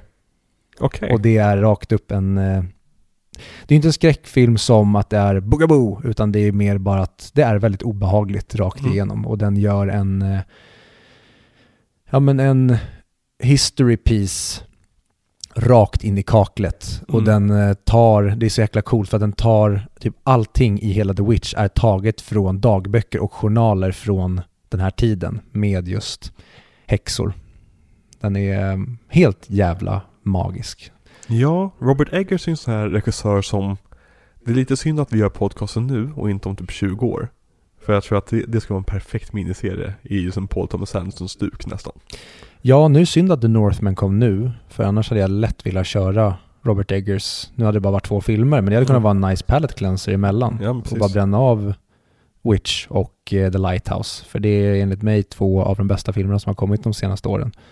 Sen kom The Witch 2015. Det känns typ som att det är en film som kom för förra året. Men eh, Jag vet inte vilken film du snackar om. Witch? Jag, jag vet bara The Vivitch. just The, The Vvvvitch. Det är Alex Schulman som, som har satt titeln på den här filmen. Mm. Nu kommer jag tillbaka till mitt Schulman-hat. Mm. Du får hålla dig till Patreon. Ja, precis. Men återigen, tack så mycket. Ha en fin eftermiddag, kväll, morgon. Harakiri fin Nej. eftermiddag. Va? Du måste förklara för mig, vad är, okej, nu, nu avbryter jag avbrytet här. Förklara för mig vad harakiri är. Alltså jag vet vad det är, men varför vill du säga harakiri varje gång? För att vi körde ju, eh, sev, nej he, den heter ju Harakiri för fan. Vi körde ju eh, i 100 mick, Ja, så var ju Harakiri med på topp 100. ja. Och då blev det, i det avsnittet så sa vi när vi sa hej då, då sa vi bara Harakiri och sen så blev det bara för att vi tyckte det lät kul typ så fortsatte vi säga hej då med det av någon jävla anledning. Och varför vill du ta in den cancern i vår, vack, vår vackra barn som vi har här? För jag gillar när det är lite cringe och Ja. lite obehagligt. Jag tycker inte vi ska säga harakiri. Och med det så säger vi Harakiri. Harry Potter! Ja, såklart. Då vill jag att vi säger Harry Potter. Det här blev väldigt ofokuserat. Harry Potter. Nu stänger vi av. Harry Potter. Hej då.